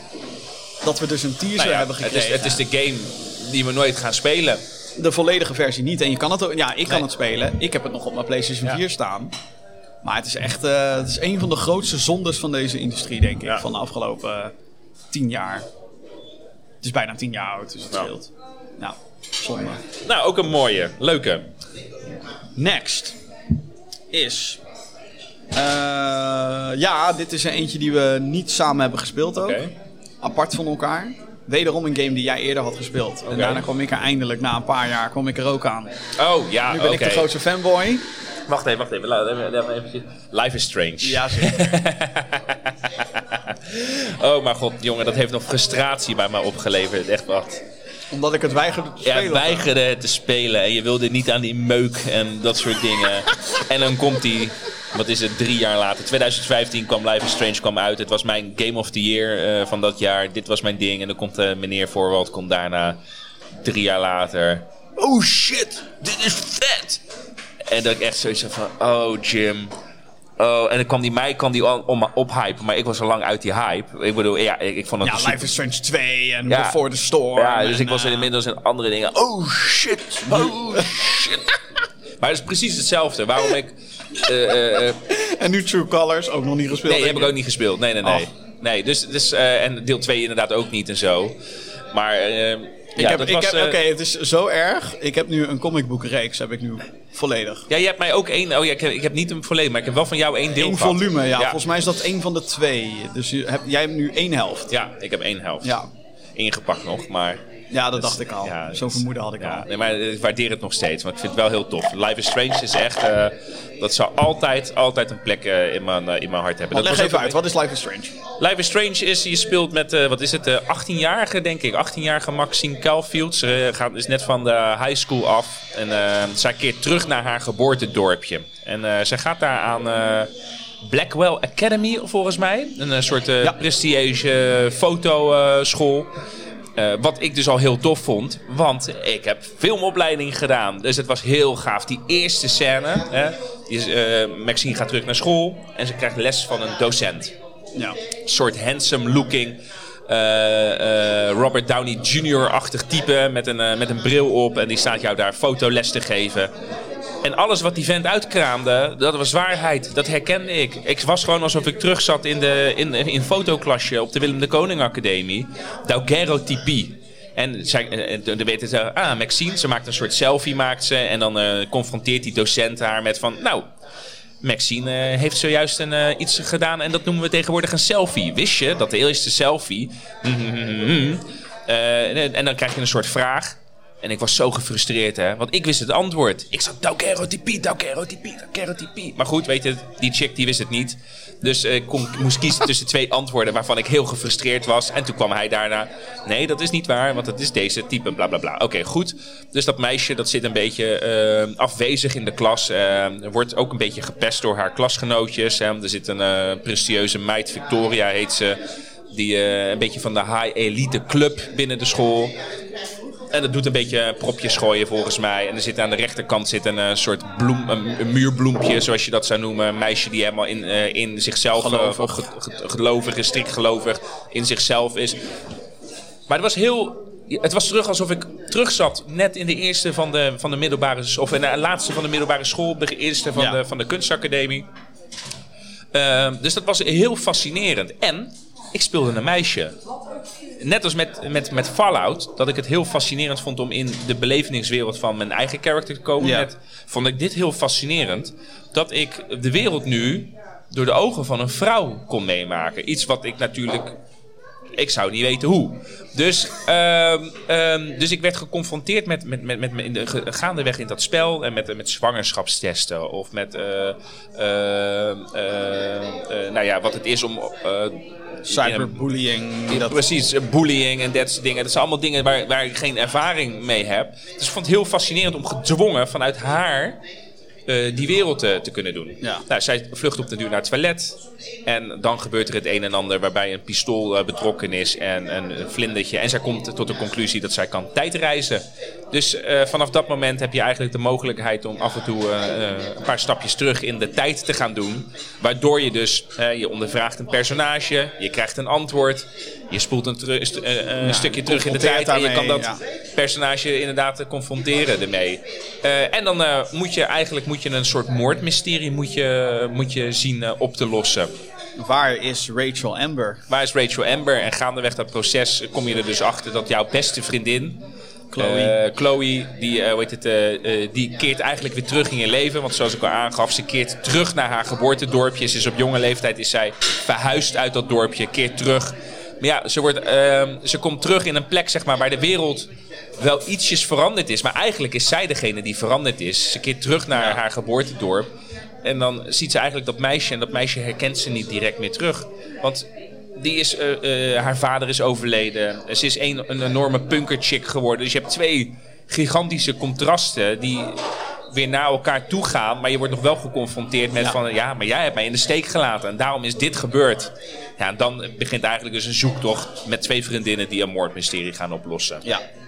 ja het is een, eh, maar het is een, eh, een game die veel vergeleken wordt met Telltale. Ik vind het wel ietsjes meer interactief. Ja? Ehm, en het, ja, het is veel meer down to earth op de een of andere gekke manier. Ook al is er een element als time travel zit erin. En speelt ook naarmate het spel vordert een steeds grotere rol. Ehm, wat voor mij de kracht was van Life is Strange is hoe die identificatie met die characters inderdaad. Hoe de game gaat. Je zou denken, oh je kan tijdreizen. Dus en dan, als je denkt aan tijdreizen en videogames, denk je meteen aan, oh je kan allemaal vette shit doen. Ja. En, ehm, Prince of Persia, Sense of Time. Dat soort dingen. Ja. Time Shift had je ook. Een shooter Ja. waarmee je de tijd kon terugdraaien. Oh mijn god.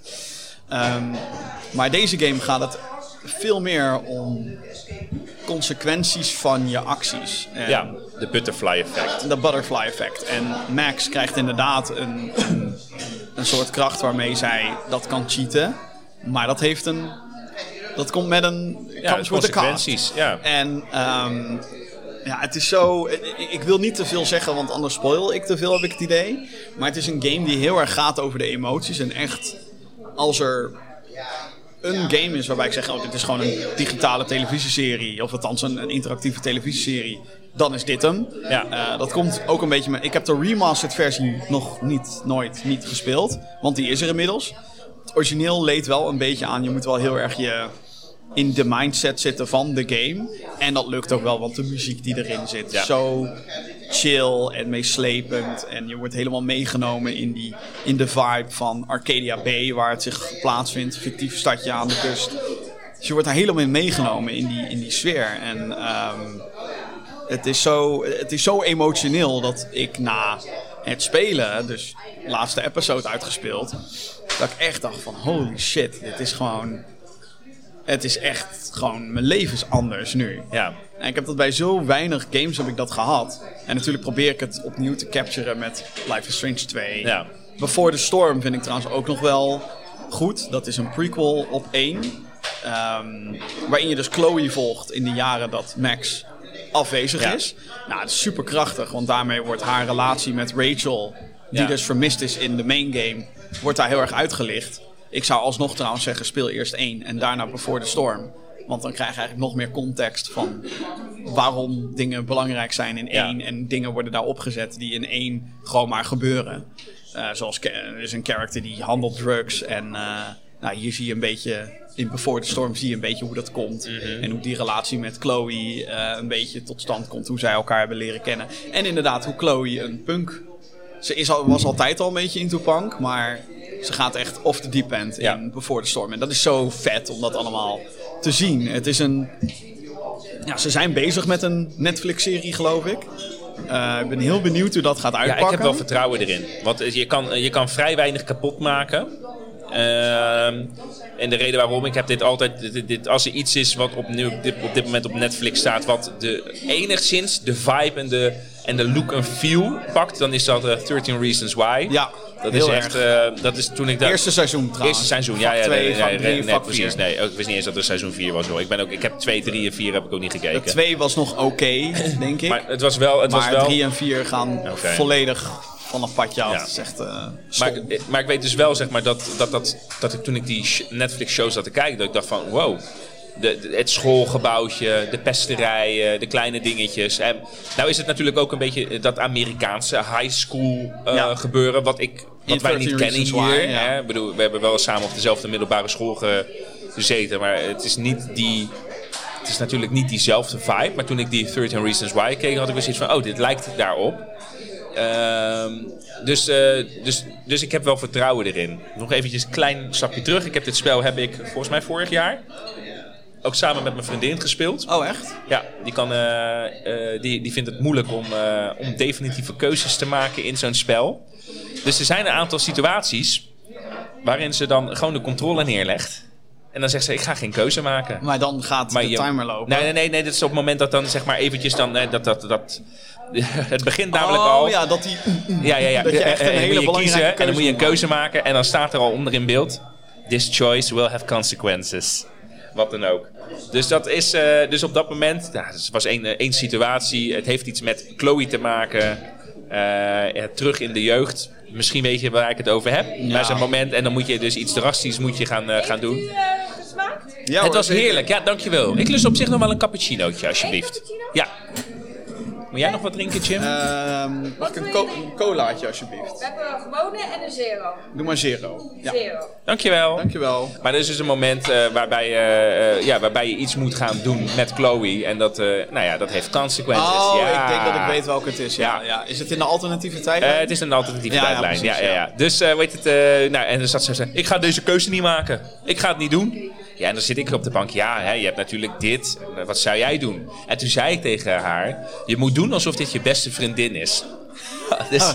dus zij heeft dus, nou, en dat was heel lastig voor haar. Maar haar beste vriendin was ook dat spel aan het spelen. Maar dat hoorde zij pas aan het eind. Dat hoorde zij pas aan het eind. Dus de laatste keuze, hè, er is een best wel belangrijke, Belangrijke keuze, keuze, belangrijke keuze. Waarop, ehm, eh, dus zij hadden het onafhankelijk van elkaar gespeeld. En eh, haar beste vriendin die eh, confronteert haar met van wat heb jij gekozen? Waarop eh Eve zegt van nou, ik heb deze gekozen, want dat is in het algehele belang van de wereld. Waarop zij zegt, oh, ik heb dit spel gespeeld alsof jij dit was. Wat zou ik doen voor mijn beste vriendin? Dus ik heb dit gekozen. Dus dat was natuurlijk een soort van confronterend moment, zeg maar. Ja. Waarbij zij eigenlijk als het ware eh, haar vriendin heeft laten vallen voor de better good. En zij heeft, en, eh, en haar beste vriendin heeft, eh, bij Eve heeft ze gekozen, zeg maar, voor haar. Dus het was heel, dat was heel grappig. ja, op wat voor manier je naar zo'n spel kan kijken en hoe je dan die keuzes maakt en wat je daarmee doet. Ja. Ja, nee, Life is Strange is iets magisch. Het, wat ik al zei, ze proberen het opnieuw te capturen met sequels. Ik vind True Colors de nieuwste Ja, dus wel veel dichterbij komen bij die. Ik vond twee daar totaal niet. Ja, gebeuren dingen dat ik denk, nee, dit is niet echt. Het is heel erg. Daar merk je dat het heel erg eh, Amerikaans wordt en heel erg drama-serie en heel erg. Ik snap, ik snap het punt wel, zeg maar, maar ah, het is net iets. ja. Nee. Nee. Ehm, het, het probeert het ook te groot te doen, zeg maar. Eh, wat, wat een van de krachtige dingen is van Life is Strange 1, is dat het zich in één stad plaatsvindt, of dorpje. Ja. Arcadia Bay. En Life is. Strange 2 gaan ze on the road. Dan wordt de schaal groter, maar dan werkt zo'n formule werkt gewoon niet zo goed, vind ik. Nee. Ehm, dus. En, en True Colors, dus de nieuwste, doet dat dus er wel. Dat vindt zich plaats in één stad. Ja. En één dorpje. Dus al die characters leer je kennen en dat soort dingen. En dat werkt veel beter. Ja. Ehm, aanrader wat mij betreft. Als je fan bent van Life is Strange. En uh, dankjewel. Uh, en uh, ja, het is gewoon te gek. Ja. Life is Strange. Ja, mooi op de lijst. Eh, ook een absolute aanrader. En ze hebben hem geremaked of zo. Of een update van graphics. Was dat de, de remaster, ja. Ja. Er is nu een remaster. Ze hebben wat dingetjes op zitten poetsen. Um, ja, ik, ik, ik heb die nog niet gespeeld. Nee, ik ook niet. ja, Nee, ik heb zoiets nee. van, ja. Ja, ik bedoel, de ervaring was helemaal prima. En ik vond het spel, dat Ja. raad ik toen al aan iedereen aan. Dat doe ik nu nog steeds. Ja, wat ik al zei, je moet een beetje langs de vage lip-sync heen kijken, want dat is er niet echt. En uh, ja, sommige graphics, sommige animaties zijn niet zo krachtig, maar het gaat erom. De voice acting vind ik wel goed. Ik ook. Er zijn wat cringe lines hier en daar, Ja. her en der. Maar ja, Ja, maar je gaat van deze personages ga je houden. ja daarom. Ja, daar gaat het om. Oké, de laatste. Oké.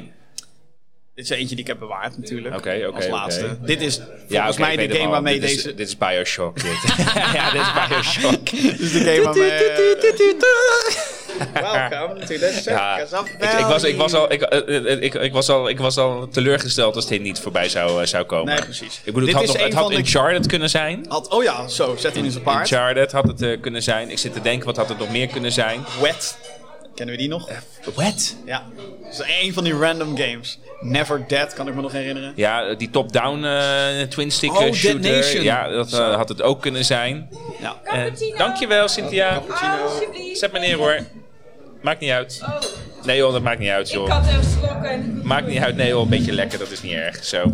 Ik zit te denken, wat, eh, wat hebben we nou nog meer? eh, Singularity. Singularity, inderdaad. Wolfenstein had het Wolfenstein eh, kunnen 2009. zijn. Ja, Oh, ja had het ook underrated. kunnen zijn. Ja, dus ik dacht, ik was wel helemaal verward toen Jim zei, nou zoveel heb ik niet gespeeld. Ik denk, nou... eh, Nee, eh, zoveel kan ik me ook niet meer herinneren, zeg maar. Er, zijn, er zitten heel veel games zitten ertussen. Stranglehold eh, ook. Resistance. Hebben wij die Ja, hebben we samen gespeeld. Ja, daar heb ik ook nog tegen jou gezegd van... Dat, oh, die Drie, demo. toch? Ja, deel 3. Ik heb nog tegen jou gezegd, die demo die erbij zit, die gaan we gewoon spelen. Ja, nee, dat is een gekke demo. Want die heb ik toen ooit in de Dus ook nog dat... Ik, ik, ik heb namelijk drie, heb ik volgens mij afzonderlijk van jou gespeeld. nee, nee, nee. Gek. Resistance hebben we samen gespeeld ook. Ja. Echt waar? Ja, echt waar. Ja. Maar dan was het echt drie, want 1 en 2 hebben we Ja, niet dat, nee, nee, gespeeld. nee, drie. Ik heb Ja. de 1 en 2 ook nooit gespeeld, maar ik kreeg, drie kreeg ik gratis bij de PlayStation 3 erbij. Oh. In zo'n eh, gekke, domme Nee, want jij had toch zo'n jij had toch zo'n hele vroege PlayStation 3? Hè? Had toch zo'n eh, early... eh, ja, zo'n early ding. En ja, daar zat een- Resistance 3 dan toch nog niet bij. Jawel, er zat een nee, Resi- Resistance 3? Ik heb in een vakantiehuisje, toen hadden we nog nee, PlayStation. Nou, er zat in een bundel zat Resistance 3 erbij. Je kan het gaan opzoeken. Nee, ik ga gewoon even opzoeken. Ga maar eh, meneer de release date- encyclopedie. Doe je ding en dan kom je tot de conclusie. Oh ja, oh, Resistance 3. Kreeg je wel bij de PlayStation 3. Want dat weet ik. Ja, nee, de- maar deze kwam uit in 2011. Dit was ruim... Zat, eh, zat Resistance 2 dan ook op de PlayStation? Of eh, was Resistance 1? was het niet gewoon één, maar die heb ik nooit gespeeld. Was Ja, het heel kort. Ja, ik denk dat het één was. Dat was deze, denk ik. Ja, die. Oh ja, die zat Dat is bij de... één. Nou, eh, deel 1 dan, joh. Ja, dus het waren toch niet zulke goede spellen. Dus, eh, nou, nee. ik nou, wil terug. Ik wil Resistance terug. ik zit Ik een denken... remake. Maar goed, Wolfenstein had het kunnen zijn. Wolfenstein was ook eh, 2009. mooie dingetjes. Goed, man. Ik zit te denken, wat hebben wij nou nog meer gespeeld? Metro hebben we ook heel vluchtig. Dat heb ik nooit, eh, hebben we nooit uitgespeeld, maar heel Nou, ik, vluchtig. ik ging pas echt Metro spelen op de PlayStation 4. Die Redux remaster. ja. Ja. maar we hebben dat vlucht hebben wij vlucht. Want je hebt zoveel games heb jij meegenomen. Ja. Wij hebben nooit een game voor de PlayStation 3 hoeven kopen. Nee, nou ja, ik uiteindelijk... Ik heb wel wat dingetjes gekocht. Je hebt uiteindelijk al die spellen teruggeclaimd. Ook? Ja. zo'n mannetje Nee, maar ben jij ook- ook wel. ja, nee, ja, nee, Vincent, ik heb die spellen. Hier heb je een spel. Ja, dan kunnen we dat spelen op jouw PlayStation 3. Vijf jaar, vier jaar of drie jaar later. hey, mag ik al die spellen terug? Wat bro? Ja, maar jij speelde ze toch nooit? nee, dat klopt. Nee, want dat was toen namelijk... Ik had toen mijn PlayStation 3 gekocht. Ja. En ik had zoiets nou, ik wil wel even van... DJ Hero. Oh ja, Zo. Guitar. Hero, DJ Hero. DJ ja. Hero, jongens, dat was te Ja, gek. dat was ook leuk. Ehm, en in Guitar Hero, ja. Eh, nee, want op een gegeven moment had ik inderdaad mijn PlayStation 3, een eigen PlayStation 3. Toen dacht ik, oh, ik wil wel shit spelen. En toen vroeg ik nog aan jou, speel jij die zooi nog? Nee, natuurlijk niet. Nee, joh, Maar, natuurlijk ik niet. speel die tering zooi Nee, toch niet.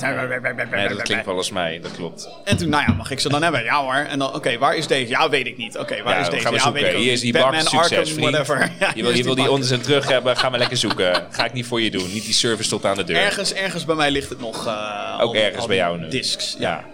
Maar Bioshock, Bioshock. terecht. Bioshock is een van de eerste die wij dus nachtelijke taferelen... Ja. waarvan we dachten, oh shit, hier moeten Ja. we voor gaan zitten. Ja. Bioshock is een first-person shooter. Kwam van origine uit in 2007 voor de PC en Xbox 360. Dat is trouwens de eerste keer dat ik de game ooit speelde. was een demo op de Xbox bij een andere mutual friend of ours. Arnold, die had een Xbox 360. En dus eh, de Sonic, eh, Sonic 2006 demo hadden we daar weet ik hoe vaak op gespeeld. En dan, is, is niet zo goed, hè? Ja, misschien is de volledige game wel leuk. Nee. Eh, en Bioshock demo kan ik me nog goed herinneren van... Oh, vet. En Dead or Alive 4 speelden we daar heel veel op op zijn Xbox. Eh, maar jij kreeg toen op een gegeven moment, eh, ja, had een PlayStation 3. En Bioshock 1 kwam een jaar later pas naar PlayStation 3. Want de PlayStation 3 was een drama om voor te ontwikkelen. Vage chiparchitectuur zat erin, waardoor het soms gewoon heel lang duurde om dat aan de praat te krijgen. En de meeste games draaien dus ook beter op eh, de Xbox dan op een PlayStation 3. Ondanks dat de PlayStation 3 sterker is. Veel sterker. Maar ja, niet zo makkelijk om voor te ontwikkelen. Dus dan krijg je dat, deadlines, dat soort dingen. Maar goed, Bioshock. Eind 2008. Wij spelen die game. Het is dus een first-person shooter waarin je begint in een vliegtuig. Ja. Die stort neer. Ja. Je stort in de zee. Je leeft nog. En er zit een grote vuurtoren Ja. naast je. Waar je naartoe moet zwemmen. Je zwemt er naartoe. En vervolgens ga je in een vreemd apparaat zitten en word je geïntroduceerd aan een onderwaterstad genaamd Rapture. Ja. Waar mensen helemaal gek geworden zijn van Adam. Een soort van drug waarmee je speciale krachten kan krijgen, maar tegelijkertijd ook heel verslavend werkt. Waardoor je hele lichaam Ja. vermomd, verminkt kan raken. Alles kan je een soort van rewriten met Adam. Dus je kan dan krachten krijgen, maar je kan ook je uiterlijk veranderen. En ehm, ja, sommige mensen raken daar dus helemaal verslaafd aan. Crackheads, splicers worden ze genoemd. Ja. En die, eh, ja, die hele stad is ooit, voordat jij daar aankomt, is die stad helemaal naar de kloten gegaan. Maar er zijn dus nog wel bewoners. Er is nog een man genaamd Andrew Ryan die daar de boel die de stad heeft opgericht. En je gaat dus door die stad heen om te kijken wat de fuck gebeurt hier allemaal. En dan kom je Little Sisters tegen. Dat zijn kleine meisjes die kunnen Adam harvesten. Oké. En alleen zij kunnen dat. En omdat zij dat alleen kunnen, hebben ze bescherming nodig van de Big Daddy.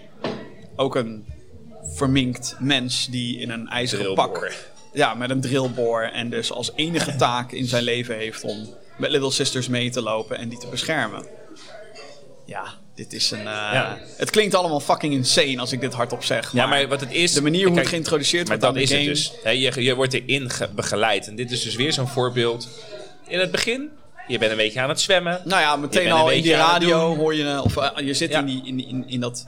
Ja, soort Maar in die vuurtoren moet je eerst natuurlijk dat ding activeren en, eh, en dergelijke. Ja, dan word je dus geïntroduceerd aan de start. En, En dan in één keer start die muziek.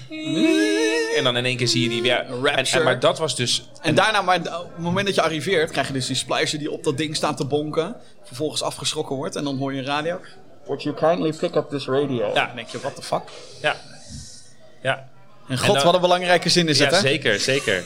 Maar je wordt dus heel langzaam wordt je, eh, wordt je geïntroduceerd aan die wereld. En je kan een beetje genieten van je. En dat geeft ook maar weer aan hoe belangrijk zo'n aanzet is voor dat spel. En dat je de juiste tone of voice moet hebben. Zo'n vliegtuigongeluk, dat werkt altijd.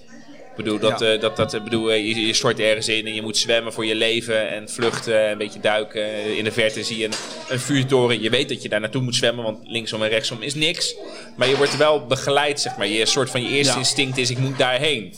Ja, en dan word je, word je aan die onderwaterwereld geïntroduceerd. En ik wist helemaal niks van het spel. Ik wist niet wat het ging worden. En ik bedoel, als jij tegen me had gezegd, we gaan een shooter spelen, had ik gezegd, nou, aju paraplu. Ja, doe maar niet. Veel plezier, eh, eh, koop maar je eigen PlayStation 3. maar dat was het niet. Dus, eh, en, Wolfenstein ook trouwens. Maar. ja, en dan, eh, en dan in één keer ja, ga je op onderzoek uit met je geweer, maar ook met je plasmids. Een soort, eh, ja, Superkrachten een soort eigenlijk. superkracht waarmee je een soort telekinese kon eh, doen. Of eh, bijen was dat ook in dit deel? Ja, dat je bijen Insect Swarm kon, en eh, eh, kon Electrobolt was de eerste die Ja. je kreeg. Ja. Dus eh, shit eh, onder stroom zetten. Ik heb dus ehm, onlangs nog Bioshock opnieuw gespeeld. Op eh, PC. Eh, dat is denk ik de vijfde keer dat ik deze Ja. game... eh, dat ik helemaal door deze game heen ben gegaan. Ehm, en het verbaasde me elke keer weer hoeveel toffe shit er in deze game zit. Want het is die stad, het zijn de plasmids, het is het verhaal, het zijn de characters. Ja. Tenenbaum, Andrew Ryan, Atlas, Sander Cohen, de artiest die geobsedeerd is door zijn eigen kunst en daar helemaal in opgaat. En Ja. omdat het nu een stad is zonder regels, waar dood, whatever, kill maar mensen, I don't care, waarin dat gewoon kan. Ehm, de mechanics van de game werken heel goed. Dus inderdaad de powers en de wapens en de upgrades voor de wapens. En ehm, de, de verschillende perks die je eigenlijk kan unlocken met, met tonics heten die dingen. En die stomme hacking minigame met de Nou, buizen. ik, ik wilde het dus net gaan zeggen. Kijk, wat ik, wat ik leuk vond van dit spel. Buiten het feit dat we met z'n tweeën dit verhaal aan het ontdekken waren. Hè? En dat we steeds moesten wachten. Totdat we gingen doen. Want eh, soms maakten we te veel herrie. En dan kwam een zusje boos naar beneden. Of Ja. in het ergste geval kwam mijn vader boos naar beneden. En dan moest per, per direct moest die PlayStation uit. En Ja. dat soort dingen. Maar Sad. maar het is set inderdaad. Maar, dat, maar die onderbrekingen werkten wel. En wat ik leuk vind van vooral deze game. Ehm, is dat dat de synergy tussen jou en mij was. Hè? Om de dood gingen we spelen. Ja, maar God. of het werd te eng voor jou en dan kreeg ik die controller en dan moest ik gaan. Of we, Bioshock te eng? ja, ja, ja, ja, ja, ja, ja, met die gekke dokter op den duur die zo eh, eh, aan Ja, het, die eh, motherfuckers die ineens achter je ja, staan, dat bro. soort dingetjes. Ja, ja, ja. Dus dan, dan kreeg ik die controle kreeg ik, kreeg ik naar me met dat soort jumpscares. Ehm, eh, maar ook... Terwijl het, geen, het is niet echt een horror Nee, het is ook niet voor het een merendeel. game. Er zitten Nee. alleen enge stukken in. Ja, maar eh, die mini-puzzle game, ja, dat is iets dat zal altijd... Ja, want je kan dus apparaten hacken. Je, kan, je hebt de vending machines waar je wapens kan kopen. Een soort vliegende drones ook of zo. Ook, ja, vliegende drones en camera's. Dat als jij daardoor gespot wordt, je staat te lang in Waren er nog beeld. niet eens drones? Nee, nee ja, het vliegende robots met een helikopter. eh. Maar als je, je had ook camera's die, als die jou spotten, ging dus de security alarm ging af. En dan kwamen, kwam er een minuut lang kwamen die robots op je af. Ja. Die kon je dan afzetten door, eh door een shutdown panel, eh, shutdown panel te gaan, 20 dollar betalen. Maar je kon al die dingen kon je hacken. eh, voor in het geval van een vending machine, waar je munitie en wapens kon kopen. ehm, krijg je dan korting. En dan moest je een soort van buizen moest je aan Ja, je elkaar moest doen. een minigame doen waarbij je een buisdolf Ja. eigenlijk moest vormen met verschillende stukken. En wat het mooie is, is dat wij, wij raken op den duur met z'n tweetjes, krijgen wij onze eigen taal en onze eigen formule. En dan noemden het een omhoger. En dat was dan gewoon een buisje die omhoog ging. Het is gewoon een, was een, een verticaal buisje was Een verticaal buisje. Een omhoger. Maar dan een verticaal. Dat klinkt dan weer van verticaal. Nee, hoe- wat doe je? Ja, een omhoger. Doe een omhoger. Was in een Dus- paniek. Dus, in een soort paniek ga je met elkaar snel communiceren. Want als Jim de controller had, ging ik niet aan de controller. Zeker niet op dit soort kruis- cruciale momenten waarop dan tijd Nee, is. nee. Maar ja, je, speelt, je zit met z'n tweeën zit je naar de beeldscherm te kijken. Met z'n tweeën ben je eigenlijk die puzzel aan het Ja. oplopen. Eigenlijk, dat was eigenlijk een start van de communicatie zoals we dat nog steeds toepassen in We Were Here.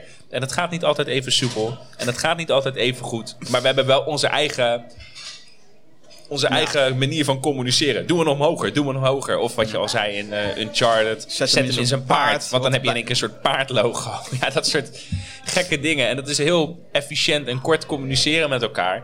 Ja, en, ja, en dat, maakt die herinneringen ook zo leuk. Buiten het feit dat het natuurlijk een fantastisch verhaal was. Het was een geweldig verhaal. Een grote plot twist die echt in je face gezet Ja. wordt. En dan denk je, oh fucking hell.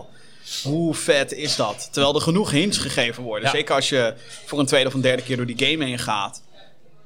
Eh, is het best wel on the nose, maar je bent er niet zo mee bezig Nee. als je voor de eerste keer door die game heen gaat. Nee. En dan wanneer die de twist ehm, je raakt, dan denk je, oh fucking hell, dit Ja. is zo goed. Ja. En dan komt daarna nog de conclusie, dan komt daarna nog de climax. Ja. Ehm, en ja, het is zo. Het, het is een. Het is zo'n unicum, zeg maar. En het is, wat ik net al zei, ik, ik heb hem dus onlangs nog een keer gespeeld. En het verbaast me gewoon hoeveel interactieve dingen in deze game zitten.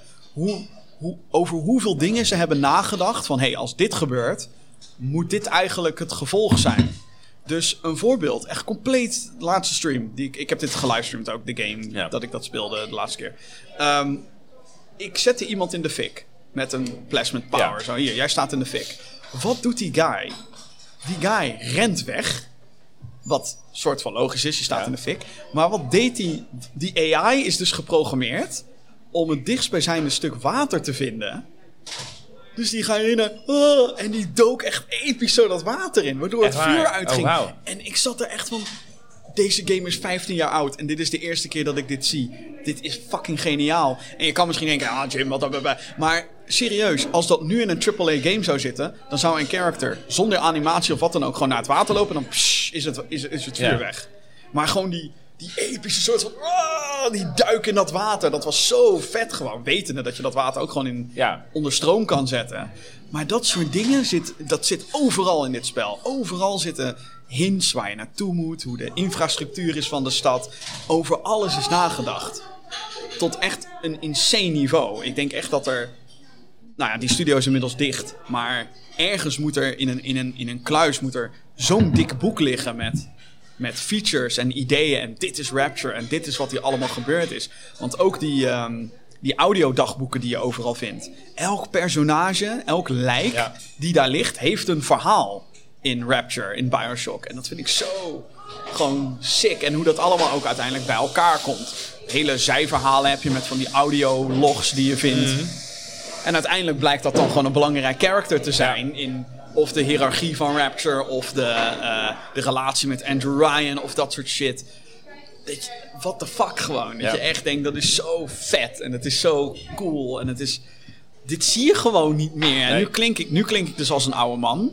Maar games als Bioshock komen gewoon bijna niet meer voor. Het is insane. En Bioshock 2 weet ik dat wij ons daar heel erg... Ik heb heel erg genoten van Bioshock Ja, maar 2. er zit wel, en ik heb het altijd een beetje meh gevonden. Ja, ik, vond, eh, ja, ik vind dat Bioshock 2 over het algemeen veel meer kritiek krijgt dan dat het verdient. Ik vind Bioshock 2, zeker qua gameplay, je speelt daarin als een Big Daddy, zo vet. Gewoon, je voelt je krachtig, gewoon met die drillboor en die aparte gun models die erin zitten.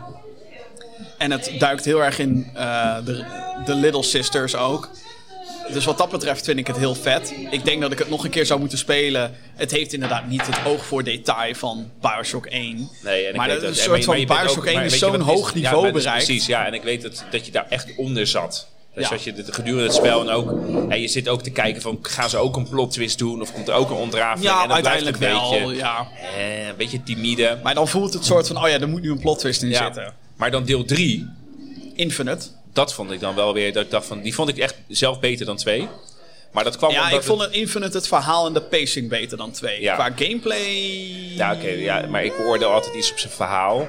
Ehm, en alleen ook alweer die aanzetting weer, die vuurtoren. Hé hey, jongens, we zijn weer in die vuurtoren. We gaan niet omlaag, we gaan omhoog. Omhoog, ja. En dan gewoon de start van dat spel. Want die hebben ook nog... We hebben Circle Be Unbroken. En dan je, dat je dan langzaam doorloopt en je ziet die kaarsjes in die hal. En dat water, hè, die waterfluids op die grond. Nou, dat vind ik geweldig. Je loopt er doorheen. En dan zie je dat water bewegen en dan zo'n watervalletje zo. En dan zo'n zo'n zo'n zo'n zo'n zo'n groot stambeeld en alles. Ja, dat was echt... Dat was, Ja, want dat- wij hebben dus de gehele Bioshock trilogy. Ja, allemaal eh, meegemaakt. ja. Ja. helemaal samengespeeld. Alle eh, drie op PlayStation 3. ja. ja. Ja, en dat was. Nou, dus, dus eh, deel 3 had ook gewoon zijn mankementen, dat klopt wel. Maar het was wel. Ik had. eh, ja, weet je, het, het was Ja, voor mij wat, was wat, wat, wat het kutte is van Infinite, vind ik zelf, is eh, de hype ernaartoe. De, de- de- Infinite is een geweldig spel, don't get Ja. me wrong. Maar het is zo'n game die heel erg heeft geleden aan... Het duurde lang voordat hij er was. En ehm, de hype was groter dan dat de game kon waarmaken. Ehm, er waren ook trailers en zo verschenen en gameplay trailers, soort van fake, soort van niet, die veel meer mogelijkheden lieten zien dan die we uiteindelijk in de game kregen. Ja. En dat vond ik zo teleurstellend aan die Ja. game. Ik dacht, maar waar, waar, is, waar is die gekke voorloper van de Big... Dat is dit geworden? Hè? Weet je, dat je echt denkt. Wow. Ja, ik weet ook zeker dat het een aantal mankementen had, maar het probeerde wel een, een soort. Het, een, het einde te zijn van de, van de trilogie. Nee, dat, dat is de DLC.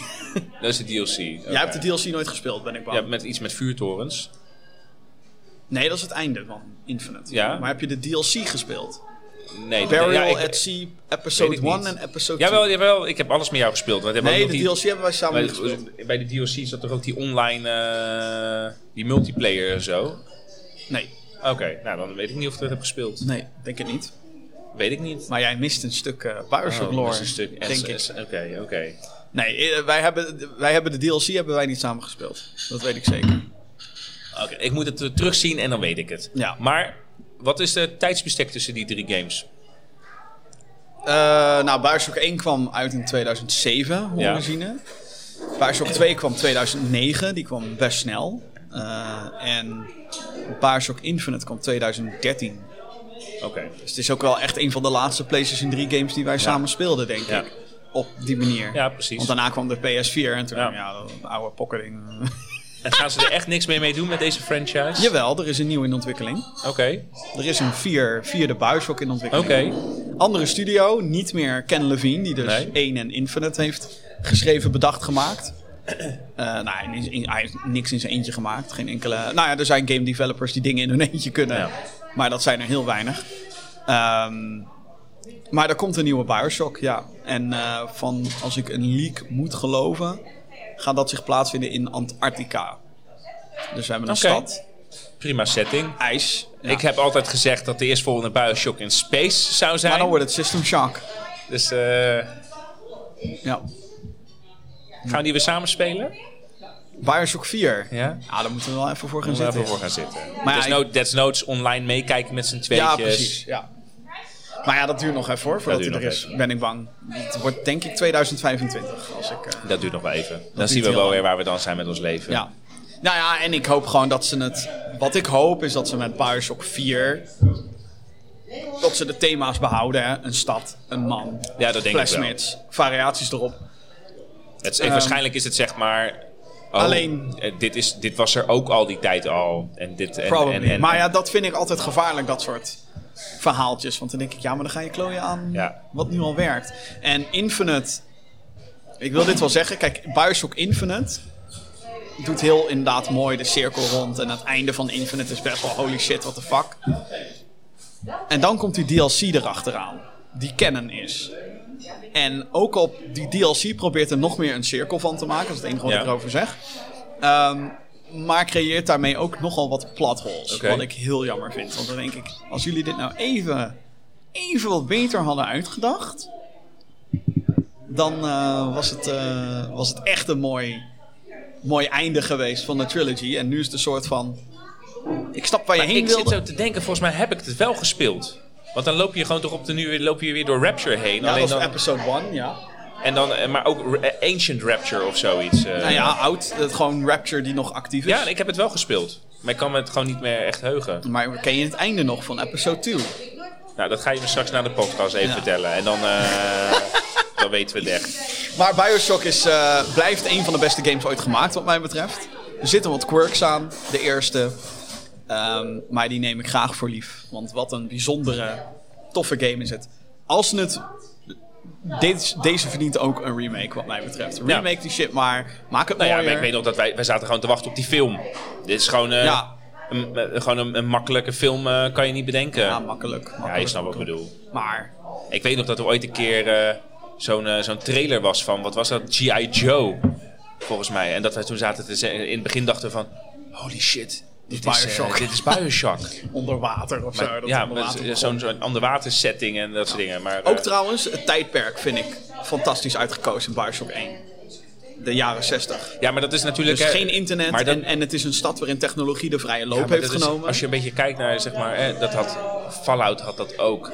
Was natuurlijk ook knap om in een. eh, hè, Ja. ja, oké, ja, nee, vanaf toen zijn er atoombommen gevallen en eh, toen stond de wereld stil. Ja. Daar gaan we gewoon goed op. Ja, daar gaan we gewoon goed op. Nee, maar wat ik wil zeggen is dat hè, de muziek die eh, Fallout heeft dat inderdaad ook. Dat hebben Fallout en Bioshock gemeen. Die jaren 50 muziek die dan super sarcastisch en super sinister klinkt. Sinister klinkt. In de oren van nu met een kapotte stad en zo. En dan Ja. Papa loves mambo. En dat je denkt, deze stad is naar de kloten. Ehm, ja, nee, het is, Bioshock is fantastisch. Ga dat spelen, als je het nog niet gedaan hebt. Inmiddels verkrijgbaar op PlayStation 4 en Switch en PC. En het is een paar keer gratis geweest ook. Babyphone. Nou, dan nog niet. Daar kan je wel Doom op spelen. Maar laten we het niet over Doom hebben, want dan zitten we over drie kwartier nog. Ehm, ja, dat, wa- dat waren eigenlijk de vijf games die ik had uitgekozen als... eh, Leuke, leuke games. ja, Ja, leuke trip down memory lane. dus eh, mocht je zeg maar echt eh, onze nostalgie boost willen geven... Fallout 3, Secret Neighbor, Life is Strange, Bioshock en PT. Dat zijn... Ja. En dan is eigenlijk Secret Neighbor is dan een beetje de vreemde eend in de bijt. Ja. Omdat hij zo recent is. Ja, en omdat het een multiplayer game is. Dat is ook gek. Ja, ik heb zin. Zin weer. Ja, ik heb weer zin. Ik heb weer zin. Zin in nieuwe Pokémon ook. Ja, ik heb absoluut zin in Pokémon. ik, wist, ik wist pas tot drie weken terug dat er een multiplayer optie in zat. Ik was verkocht. Oh, zit er een multiplayer optie in? Je kan met z'n vieren kan je door dat spel heen lopen. Oh. Dat is toch... Hoe lauw is dat? Ja, nee, dat wist ik nog niet. Dat had ik helemaal niet door. Ja, ik heb het een beetje... Ja, ik ook een beetje. Ik zag de eerste beelden van Scarlet en Vine. Toen dacht ik, oh, ze gaan doen wat Legends Arceus deed. Mooi. Ja, precies. En maar je kan dus door. met vier man kan je het hele spel doorspelen. Ja. Shit, waarom heb ik het zo eh, druk? Ryan eh, die gaat ook meedoen. Waarom heb ik het zo druk dit Ja, ik heb weekend? het, eh, maar ik ga het niet dit weekend spelen. Ik niet. Ik ga pas voor volgende weekend of de week, eh, week daarna. Tot 2024 en Ja. gaat Vincent eh, Pokémon spelen. Goed, eh, hiermee zijn we langzaam maar zeker aan het einde gekomen van deze 200ste aflevering van de Gaming Geeks podcast. Eh, de volgende aflevering komt er eh, hopelijk weer snel aan, want de Game Awards nominaties zijn weer bekendgemaakt. Nou, daar ga ik natuurlijk even naar kijken. Wat verdient wel een award en wat niet. Eh, wat wordt Game of the Year, wat niet? Nou, ik heb mijn voorspelling al klaarzitten hoor. Is dan klaarstaan. Komt helemaal goed. Eh, deze podcast kan je natuurlijk beluisteren via je favoriete podcastdienst. Google Podcast, Apple Podcast, Spotify. Abonneer erop als je de eerste wilt zijn die de nieuwe afleveringen kan beluisteren. En wil je de afleveringen bekijken? Dat kan via youtube.com slash gamergeeksnl. Dat is ons YouTube-kanaal waar nog veel meer leuke videocontent staat. Zoals eh, mijn review over Saints Row. Over Warhammer 40.000 Shooters Blood and Teeth. Wat de fuck is dat? Nou ja, eh, check die video maar. En eh, Jasper, die ook vaak in deze podcast te horen geweest is al. En hopelijk nog vaker te horen gaat zijn. Die heeft een, een recensie gemaakt over de Steam Deck. Handheld. Ik zag het. Ja, ik, Oh, zag het, ik, heb, ik heb de thumbnail gezien. Oh. Heb je vragen voor de show? eh, mail die gerust door naar podcast.gamergeeks.nl. Dit was de 200ste aflevering van de Gaming Geeks podcast. Heel graag tot de volgende keer. Op naar nog 200 meer afleveringen. Gekke belofte. Dankjewel. Doeg.